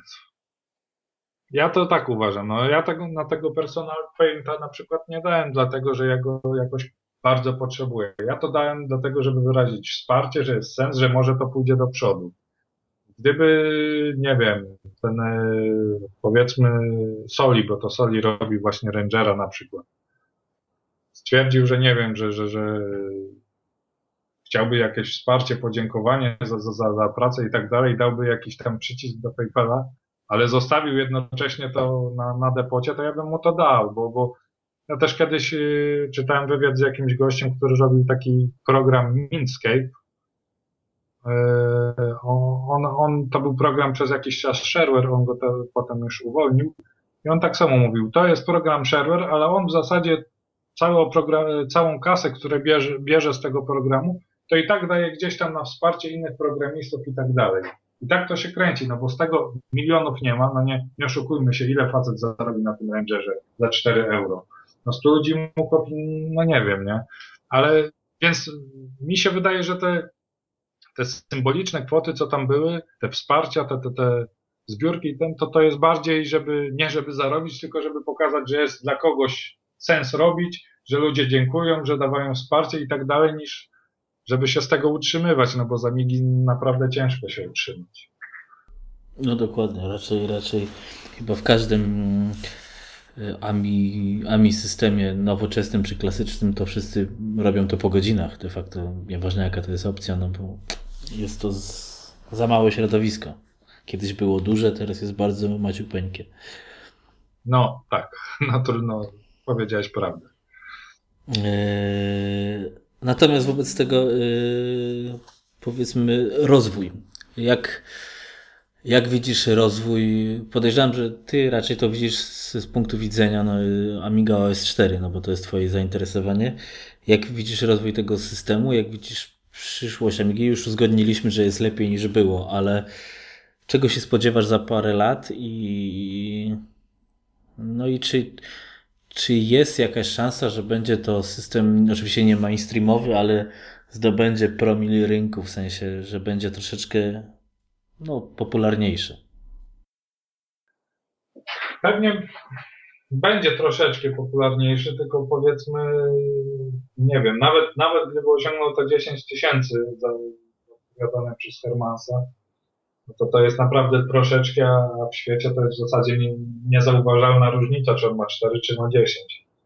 Natomiast no ja myślę, że jednak no, tendencje są takie, ta polityka oprogramowania open source i tak dalej, i to wszystko pomału, bo pomału z przeszkodami, bo z przeszkodami, ale jest jakoś tam jest jakoś tam pomału prze, przenoszone, że, że, że będzie lepiej, że będzie chyba jednak więcej softu, że będzie ten Office, Office plus, plus dobra przeglądarka, to już nieraz słyszałem taką opinię, że to jest, to już pozwala mówić o normalnym używaniu, więc ja myślę, że pomału, pomału, na pewno nie jakoś skokowo, ale na pewno ten WinUAE trochę może się przyczyni.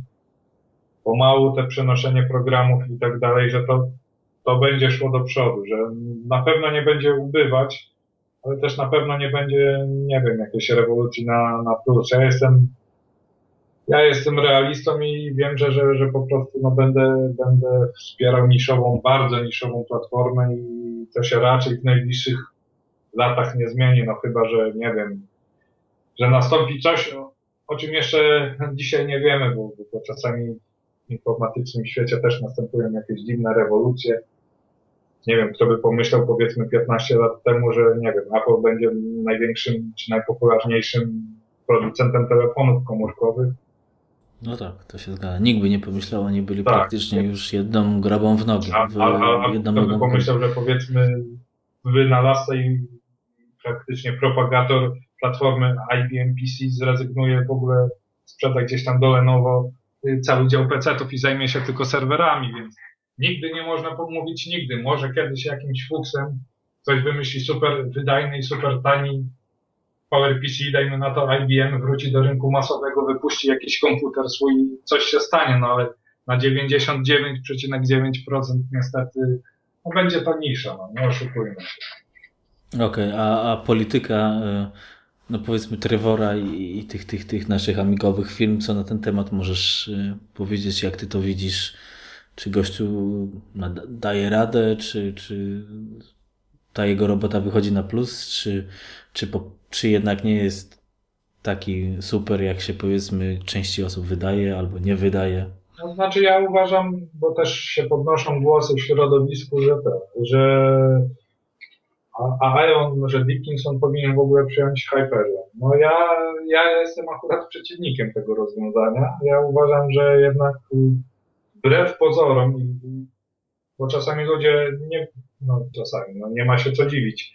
Ludzie, większość, 90% ludzi powiedzmy, no nie ma, nie ma wiedzy, jak to się dzieje za kulisami. Zresztą ja też mam małą wiedzę, ale dzięki temu, że jestem beta testerem, wiem trochę więcej niż, niż powiedzmy człowiek tam amigowiec z ulicy. Nie uważam wcale, że, że on, on akurat działa profesjonalniej niż Hyperion. No, no, miałem taki przykład na przykład ze sterownikami do tych Radeonów HD, gdzie ktoś tam sobie zakupił i potem musiał czekać, nie wiem, tydzień czy dwa, bez, bez żadnego, bez żadnej odpowiedzi. W końcu ja, ja mu ze, ze swojego konta, bo ja też miałem dostęp, mówię, dobra, ja ci, ja ci, od, ja ci pobiorę ten sterownik ze swojego konta, a potem jak już wreszcie Dickinson ci odpowie, to to sobie to uregulujecie i no to nie jest na pewno profesjonalne i niestety Dickinson jest na pewno wielkim entuzjastą, na pewno jest największym sponsorem aktualnie i tak dalej, ale czy on ma taki zmysł organizacyjny, to ja nie wiem. Jednak Herman, sprawnik, tam, tam takich wpadek, jak tam za coś zapłacisz, to wiesz, że to masz na drugi dzień i jednak ja uważam, że powinno zostać tak, jak jest. Fajnie, że jest Hyperion, fajnie, że jest ten Aeon, który na pewno wniósł sporo ożywienia i, i, i robi dobrą robotę, trochę pieniędzy w to włożył. A-Cube nie wiem, no jak, jak to na dłuższą metę, czy oni jeszcze się znajdą dla siebie jakąś niszę, zwłaszcza jak AMCC miało się wycofać, ale... Wiesz, be, bez nich to jest y, bardzo słabo, bo, no, bo nie, nie, będzie nowych samów, tak? Czyli tych powiedzmy low entry tak, y, ale... Amigo podobnych komputerów i y, musi to być, no bo to i tak jest drogi sprzęt, tak. chociaż dla przeciętnego powiedzmy Europejczyka, czyli nie mówimy tu niestety o Polakach, no, komputer za tam te 800 tysięcy euro, no to jest dużo, bo nie ma się czarować, że to jest dużo, bo PC tam można za 300 kupić, ale to jest inny rynek, więc za te 1000 euro de facto może odżałować i bez większych strat y, finansowych kupić sobie. Bo już taką Amigę X1000 już to już jest wyda, wyda, wydanie konkretnej kasy dla dobrze zarabiającego Niemca też. E, ale taki sam to jest, wiesz, entry level i, e, no i bez tego no to będzie słabo raczej. Znaczy tak, e, A-Cube na razie się nie poddaje, bo jednak no tą zredukowaną tą CR wypuszcza. Nie, nie wiem, czy jest już wreszcie w sprzedaży, czy cały czas w zapowiedziach, no ale skoro zapowiedział, to na pewno ją wypuści. Ale ja mówię długofalowo, bo, bo no jest pytanie, takie, czy będą, jeśli to jest prawda, że AMCC się wycofa z produkcji powiedzmy PowerPC, czy będą rzeczywiście jeszcze jakieś tanie PowerPC na rynku. Bo jeśli ACube miałoby produkować, nie wiem, swoją wersję X5000, no to nie wiem, czy jest sens. Ale oczywiście zgadzam się, że jeśli będą tanie PowerPC, jeśli będzie szansa na produkowanie tańszej alternatywy, to jak najbardziej to musi być, bo jak już mówiłem, nie jestem zwolennikiem tego, żeby coś kosztowało, nie wiem, 100 czy 200 euro, bo, bo Amiga musi swoją wartość mieć, ale też nie jestem zwolennikiem tego, żeby coś kosztowało 3000 euro. Ja uważam, no tak, że tak, tak. sprzęt w okolicach 500 euro jest jak najbardziej wskazany dla Amigi. 400-500 euro taki sprzęt powinien być, bo sprzęt za 3000 euro no to jest droga do... Znaczy ja myślę, bardziej realny jednak jest sprzęt za 1000 euro niż 500 to byłoby marzenie, bo to de facto jest y, pff, przeciętny laptop, nie? No słuchaj, no, jeśli ta sam CR, jak czytałem w ofercie ACube, ma kosztować 567 euro, oczywiście do tego trzeba będzie dołożyć pewnie Dokładnie, to ci się dalej. robi te 800, tak, nie? Ale sama płyta już do tej magicznej granicy dobija, więc ja sądzę, że przynajmniej no, płyta, jeśli teraz jest 567 euro, to ceną płyty można teoretycznie by zejść. System strasznie potaniał. Oczywiście pewnie 4.2, na pewno 4.2 będzie droższy. No ale... E, no tak. Poza tym, e, porównując taką sam, e, do ceny fajnej, klasycznej Amigi, e, takiej powiedzmy tak jak poprzedni moi rozmówcy mieli, goście 4000 PowerPC, no to taka karta sama potrafi kosztować e, tyle, co e, no, taki sam w, w obudowie ze złota. No Więc tak, tak. jeśli ktoś może faktycznie chce amigować, warto pomyśleć o takim samie, bo Mm, dzięki na przykład teraz tego EUAE e, z emulacją Just in Time, no takie odpalanie gierek y, bardziej wymagających jak Skidmarks, jeszcze nie testowałem, powinno już działać, bo na przykład na Pegasusie Skidmarks trochę potrafi przyciąć, ale myślę, że teraz y, spokojnie można by sobie w stare gierki pograć. No, Testowałeś w ogóle te nowe UAE? Tak, no nawet na blogu są moje opisy. No na pewno na, na X1000 to nawet gdy nie było i to i tak było, to i tak oczywiście gry typu Skidmarks nie stanowiły problemu. W zasadzie no według, według testów, według suchych benchmarków, no to to jest szybsze od najszybszej 60 66 MHz, nie? Teraz, po, ta nowa wersja. Na X1000. Tak, tak, tak, na X1000. Nie wiem, jak to wygląda na sam 460. No na pewno wygląda to gorzej. Chciałem jeszcze nawiązać do sprzętu, bo był, to było 2-3 lata temu, ja już nie pamiętam, laptop ten e, dla OS4 i to umarło. E, czy, dlaczego to umarło? Bo, bo ja w sumie de facto to do końca nie wiem, a po drugie, czy uważasz, że jest na to rynek? Bo ja uważam, że laptop powiedzmy za 1000 euro, załóżmy, bo to pewnie by musiało tyle kosztować, z procesorem mniej więcej tak jak ma Samantha, no to by dawał radę. Znaczy, to według zapowiedzi to chyba procesor miał być jednak ciutek słabszy niż ten, co ma Samantha, tak, tak, bardziej tak, jak efiwka, za to cena miała być między 300 a 500, nie? Ale właśnie, czemu, to teraz chciałbym o dwie rzeczy zapytać, bo to umarło i czy uważasz, czy laptop o nie tak słaby, ale o takiej mocy porównalnej do Samanty jest yy, jakimś tam no może nie przyszłością, ale jest ciekawą alternatywą dla amigowania. O. No, dlaczego umarło, to ja też do końca nie wiem, nie? Znaczy oficjalnie to oni się tłumaczą, że to nikt, że oficjalnie to niby nie umarło, tylko został ten projekt zawieszony. Natomiast mogę się domyślać, tam chyba chodziło o cenę, że, że, że, że, że ten producent y, za dużą cenę dał. Druga sprawa, że prawdopodobnie no, opracowanie tego byłoby dosyć czasochłonne, jak sądzę. I, I to mógł być powód, ale prawdopodobnie cena y, byłaby zabójcza, ale no, ktoś rzucił taką cenę, jaką rzucił. 300-500 euro, a, a, a z tego, co, co, co mówi się w kulisach, no to, to by było dużo droższe, a jednak wydajność tego czegoś gorsza od sam, nie wiadomo, czy byliby na to nabywcy, jeśli to by miało kosztować drożej niż sam i być wolniejsze niż sam. No tak. Ale sam laptop, sama idea laptopa to jest, no, dobra rzecz, no, co tu się dużo oszukiwać. Mobilna Amiga by się przydała. No, sam jestem w takiej sytuacji, że, no, że, że, że być może, no, tam teściowie się budują powiedzmy za miastem i być może w sezonie letnim będę pomieszkiwał przez 2-3 miesiące poza swoim mieszkaniem, a tak 3 miesiące bez Amigi dla takiego fana jak ja jest ciężko. No, laptopa mógłbyś wziąć wszędzie, nie? nawet na wakacje, na, na wyjazd nad morze i tak dalej, chociaż ja uważam, że czasami trzeba odpocząć od komputera, no ale niewątpliwie taka Amigo, mobilna Amiga by się przydała. Nawet powiem, jeśli nie laptop, to jakiś, był też, jeszcze nie wiem, czy pamiętasz, dużo wcześniej yy, tablet, czy tam laptop. Też był taki projekt. Też były nawet screeny z systemu z tego. Tak, tak, to no była to, to ale to, to, to w ogóle nawet nie weszło poza. Tak, tak, tak.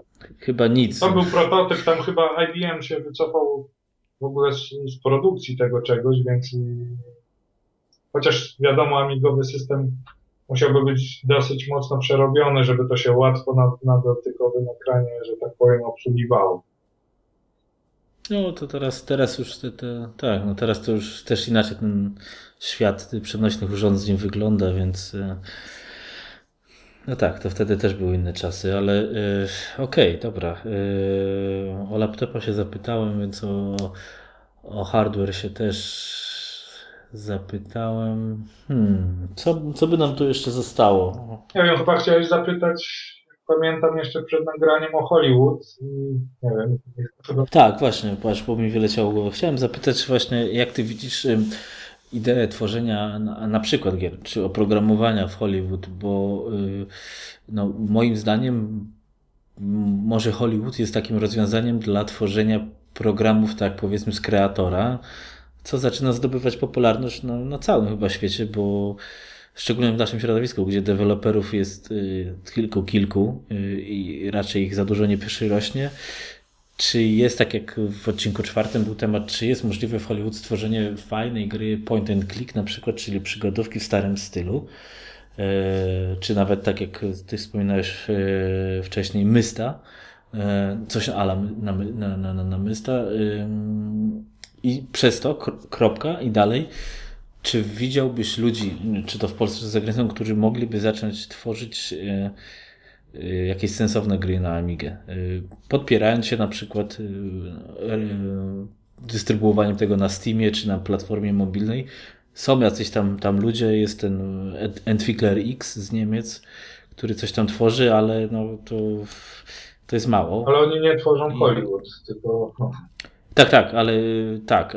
A ja, a ja się teraz zapytuję, czy mając na przykład dobrego grafika, dobrego muzyka i mając zdolnego klikacza w Hollywood, można by coś stworzyć? No zdecydowanie tak. No, ja, jak już Ci mówiłem wcześniej, sam miałem propozycję właśnie, żeby do zespołu pracującego nad, nad takim konem Mysta przystąpić. To było kilka lat temu, chyba nic z tego nie wyszło, ale, ale generalnie nie ma problemu ze zrobieniem takiej przygodówki. Zresztą, zresztą chyba taka gra powstaje, Secret of Middle City i ona chyba właśnie powstaje w Hollywoodzie.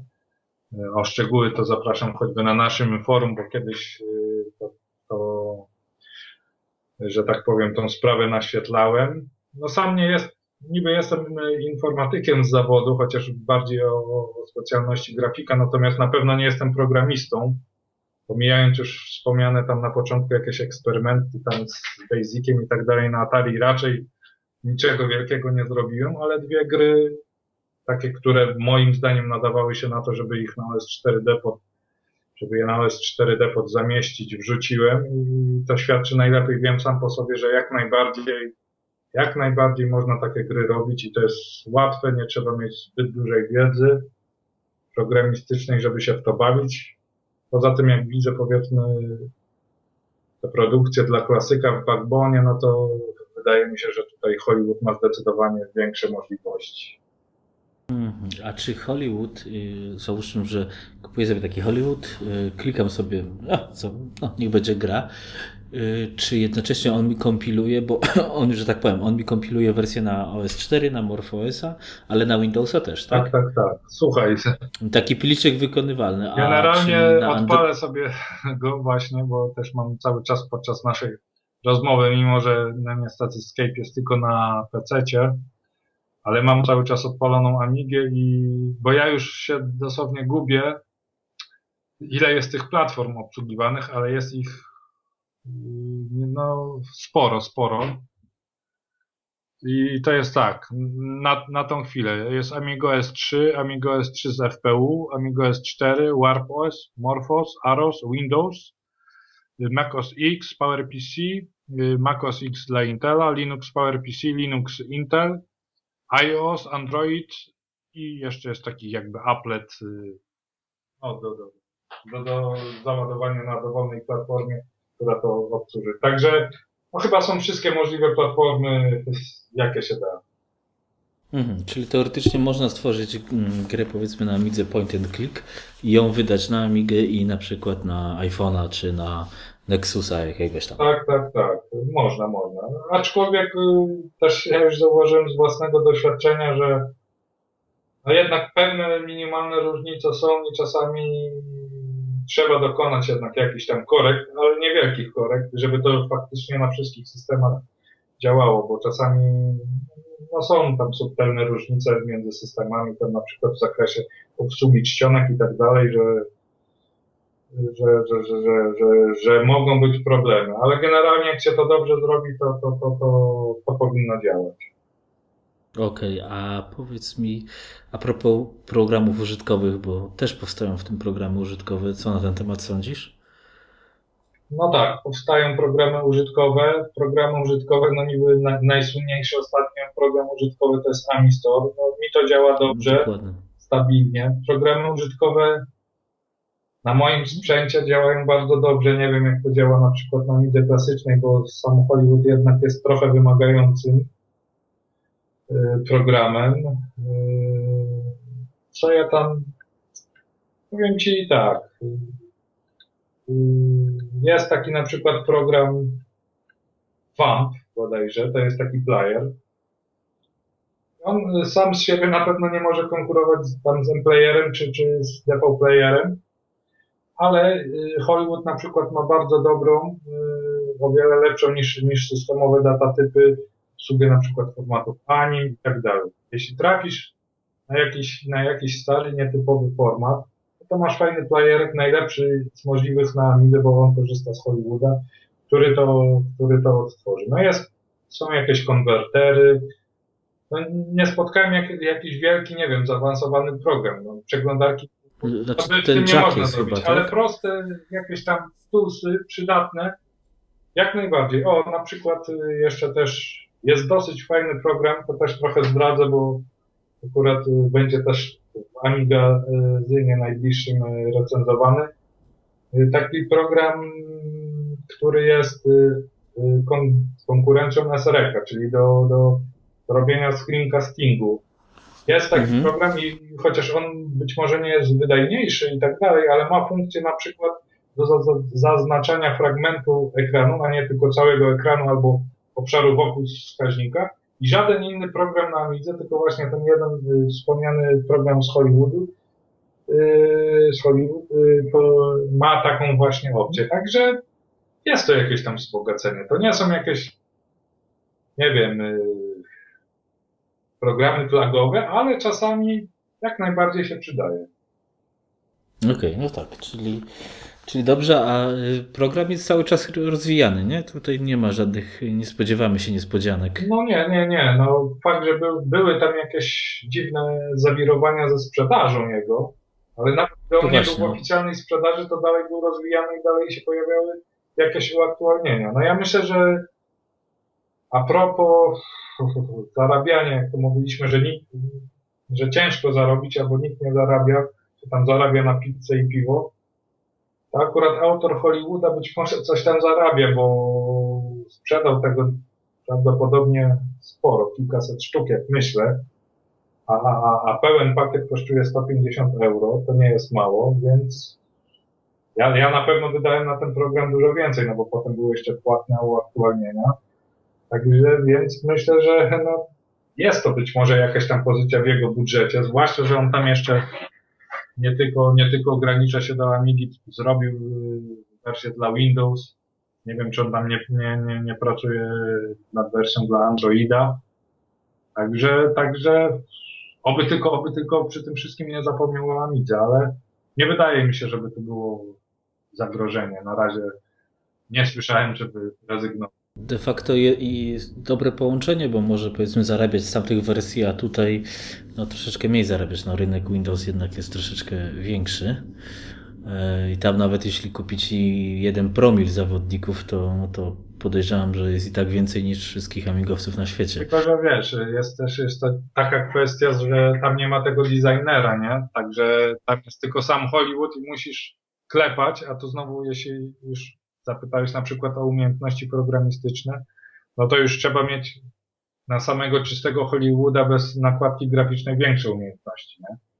Tak, tak, ale to zakładamy, że taki pakiet z designerem jest, bo, bo to inaczej to nie, raczej tak, nie ma sensu, tak, a na tak. Windows pewnie się ten designer pojawi. A czy, prędzej czy później. Właśnie, sorry, że ci wchodzę w słowo, ale gdy pojawił się w ogóle win, na Windowsa Hollywood, to się odezwały protesty i w ogóle ten, że oto co on robi, że oto ostatni unikalny jakby program, dla którego warto mieć Amigę, stracił swoją wyjątkowość, bo jest dostępny na Windowsa, ale gościu właśnie się tłumaczył, ale słuchajcie, nie ma designera.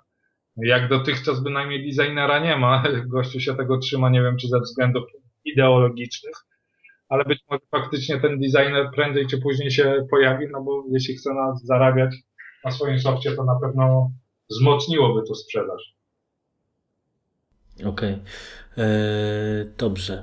To wobec tego e, powiedzmy takie ala programowanie mamy obgadane, co można e, zrobić. Słuchaj, co bym Cię jeszcze mógł zapytać? Właściwie to...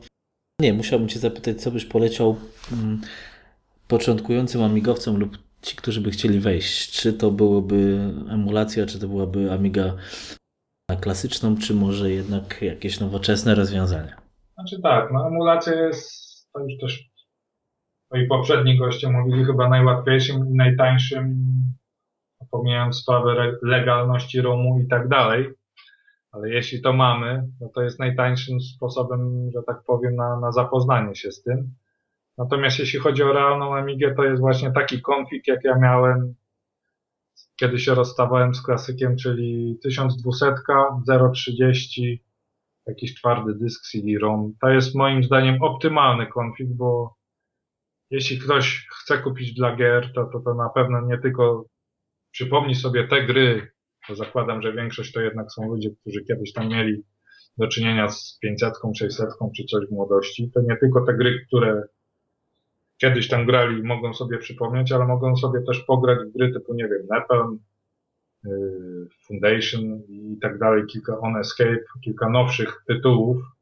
To będzie na tym na pewno dobrze chodzić, i, a, a ich mogą nie znać i mogą sobie zobaczyć, jak, jak wyglądały gry z drugiej połowy lat 90., kiedy powiedzmy Amiga już zeszła do podziemia. Natomiast jeśli chodzi o o te, to, to, te nowe rozwiązania, no to na pewno no, trzeba, ja tu nie chcę nikogo namawiać, powiedzieć, że jest super, hiper, no trzeba mieć do tego przekonanie, trzeba się pogodzić z tym, że jest się w niszy, że nie zawsze jest tak łatwo jak na PC-cie, jest fajnie, jest owszem inaczej, że tak powiem, człowiek jest może oryginalny, ma oryginalne, oryginalnych znajomych, można powiedzieć, z punktu widzenia typowego użytkownika dziwaków, ale na pewno wiąże się to z kosztami i, i nie jest łatwo, także też polecałbym najpierw być może to WinUAE, mam nadzieję, że się będzie rozwijać, że będzie to jako tako chodzić. Zobaczcie, potestujcie, czy chcecie w to wejść. Jeśli tak, no to, no to możecie wtedy wydać trochę grosza i się, i się w to pobawić. Czyli, okej, okay, czyli z takiego wydania na prawdziwy hardware to byś polecił właśnie Amiga X1000 czy tam X5000, czy jednak y, taką Samantę? A, no ja, ja wiesz co, no gdybym, gdybym miał jakiś tutaj może środek znaleźć złoty, to może taki sprzęt jak ty masz, co prawda używany, ale Pegasus. Niewielkie hmm, pieniądze, no ja... można się pobawić, w miarę to chodzi, to już jest tam 1 GHz, więc jako tak o to chodzi, myślę, że na początek to by nie było źle, nie? A jeśli ktoś się wciągnie, załapie bakcyla, ma pieniądze, no czemu nie? Może i kupić X1000, no jak najbardziej.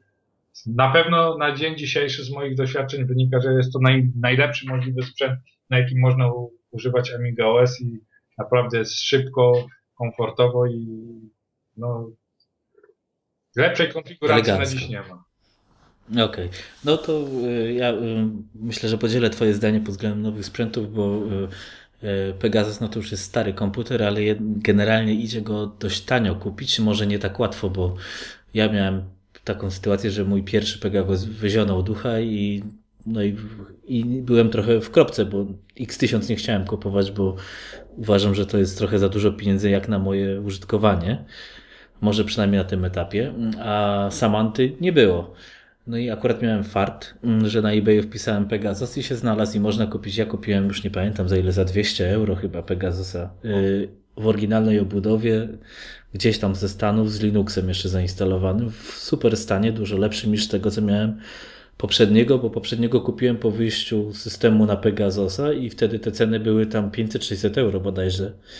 A teraz naprawdę możesz sobie kupić takiego Pega za 200-300 euro, podejrzewam.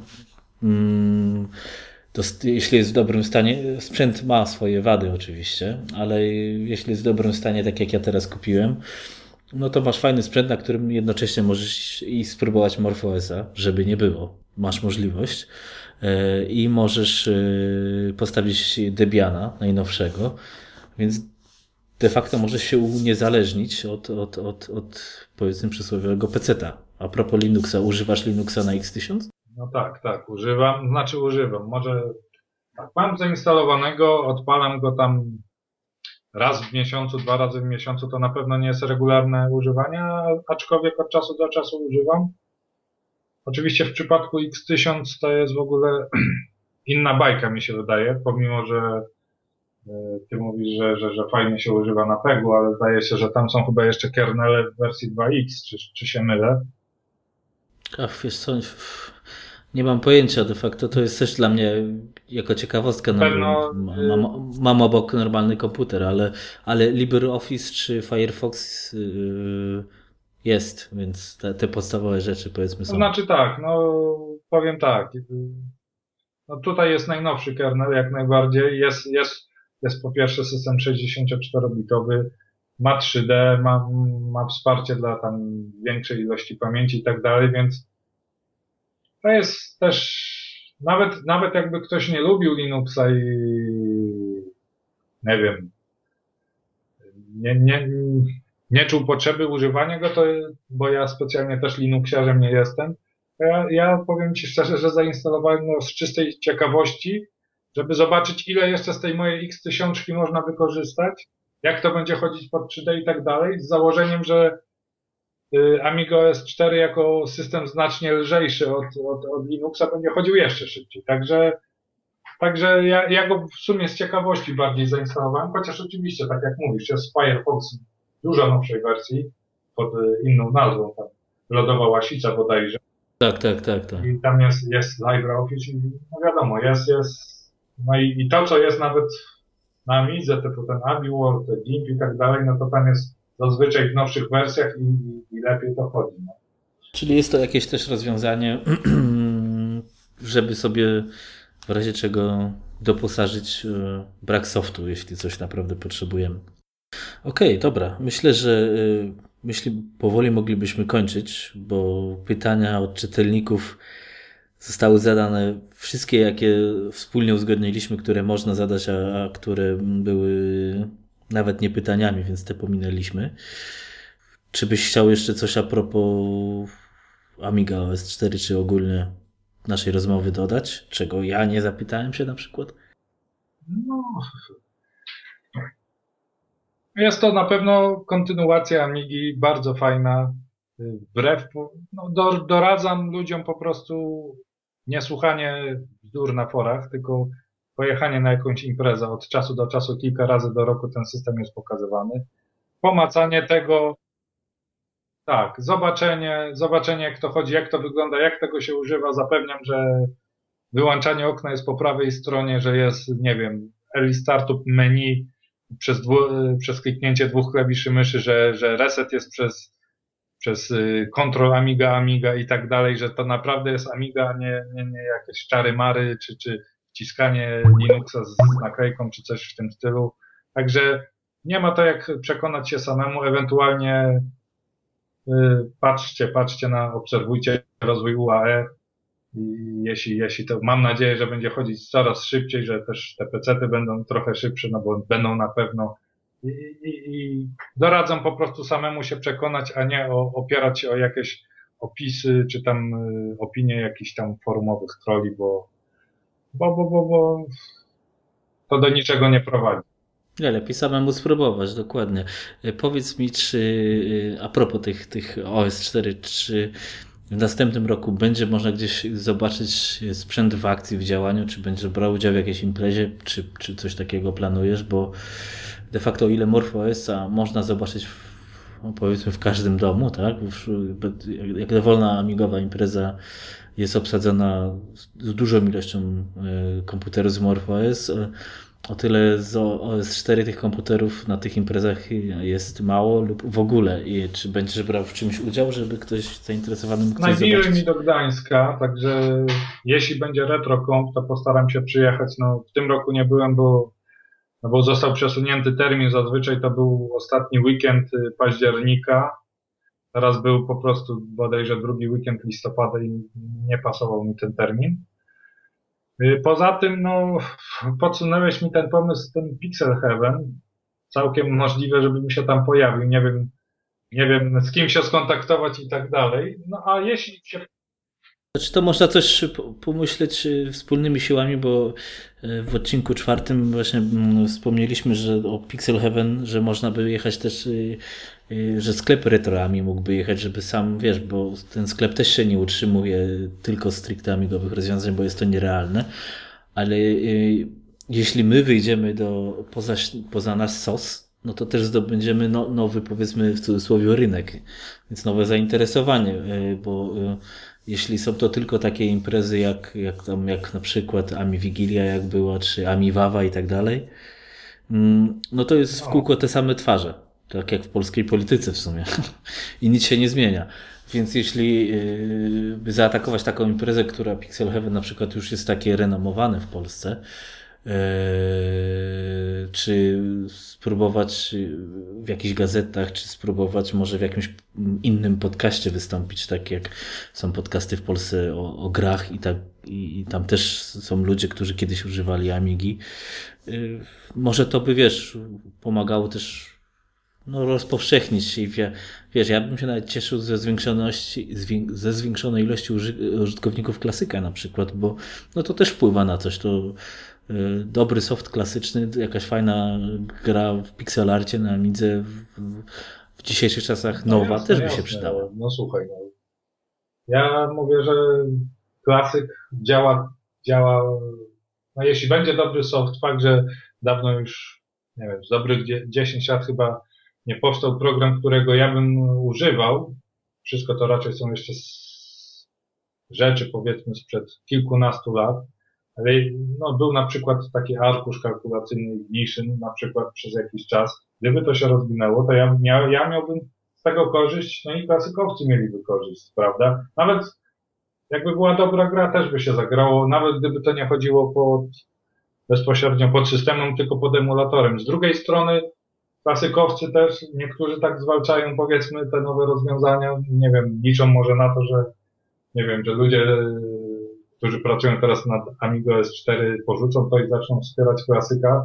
Pewnie tak nigdy nie będzie, ale też niech mają na uwadze to, że choćby taki personal paint dla, dla Amigo S4 też zaowocował wersją dla klasyka, że mój 4 które jest rozwijane dla naszego systemu, zaowocowało wersją dla klasyka, że nie wiem, no Simple Mail to też jest w sumie projekt no, prawie, że nie rozwijany, bo raz na rok święta gościu chyba tak dla, nie wiem, zrobienia dobrego wrażenia puszcza nową wersję, która niewiele wnosi, ale jednak jest on też z Steamu S4 i też przy okazji kompiluje wersję na klasyka, że powiedzmy ta karta dźwiękowa Prisma Megamix też będzie dla klasyka stworzona przez środowisko Amigo S4, więc to wszystko ze sobą współgra.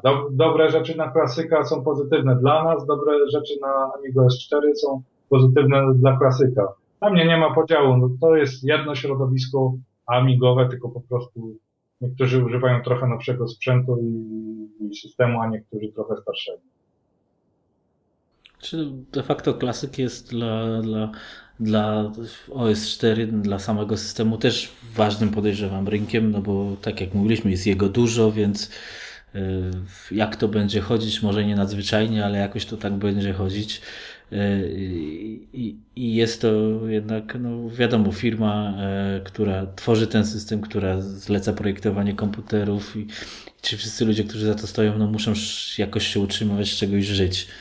No więc no, nie ma się co dziwić, że szukają kasy, no bo bez kasy nic nie ma niestety i Bardziej, takie jest życie. też mało kto sobie zdaje sprawę z tego, że za, za niektóre technologie oni płacą, to, to, czym się być może publicznie nie chwalą, ale ja tak, ja wiem, że tak jest, że na przykład choć, chociażby galium, galium, które jest niby na otwartych źródłach, ale wiem, że zainwestowano w jakieś tam technologie, żeby to opracować jakieś tam pieniądze. Pewnie pieniądze śmieszne z punktu widzenia powiedzmy użytkowników PC-a, ale na Amidze to są już jakieś pieniądze i no, płaci się. Nie wiem, czy powiedzmy taki personal paint został oddany za darmo w dobrej woli. Podejrzewam, że też była za źródła jakaś tam opłata i tak dalej.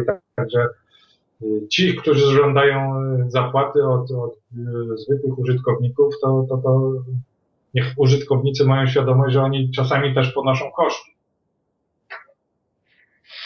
No tak. Tak może być.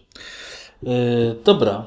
Myślę, że mogę Cię zapytać o ostatnią rzecz, kogo byś chciał pozdrowić. Tak, no trochę pół żartem, pół serio, to powiem, że no, pozdrawiam w pierwszej kolejności najznamienitszy kwiat polskiego środowiska amigowego, czyli memberów y, Amiga 1TL, forum i moich czytelników. Oczywiście pozdrawiam też wszystkich y, słuchaczy.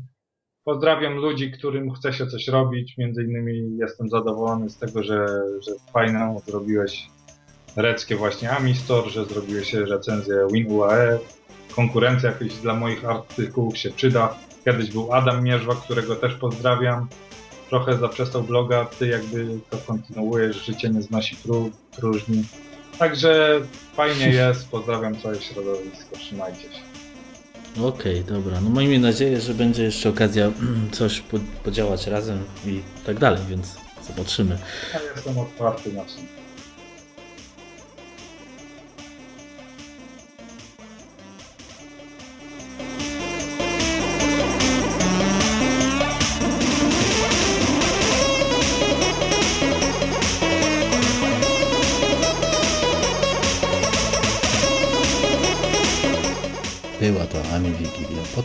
Wszystkich użytkowników komputera Amiga.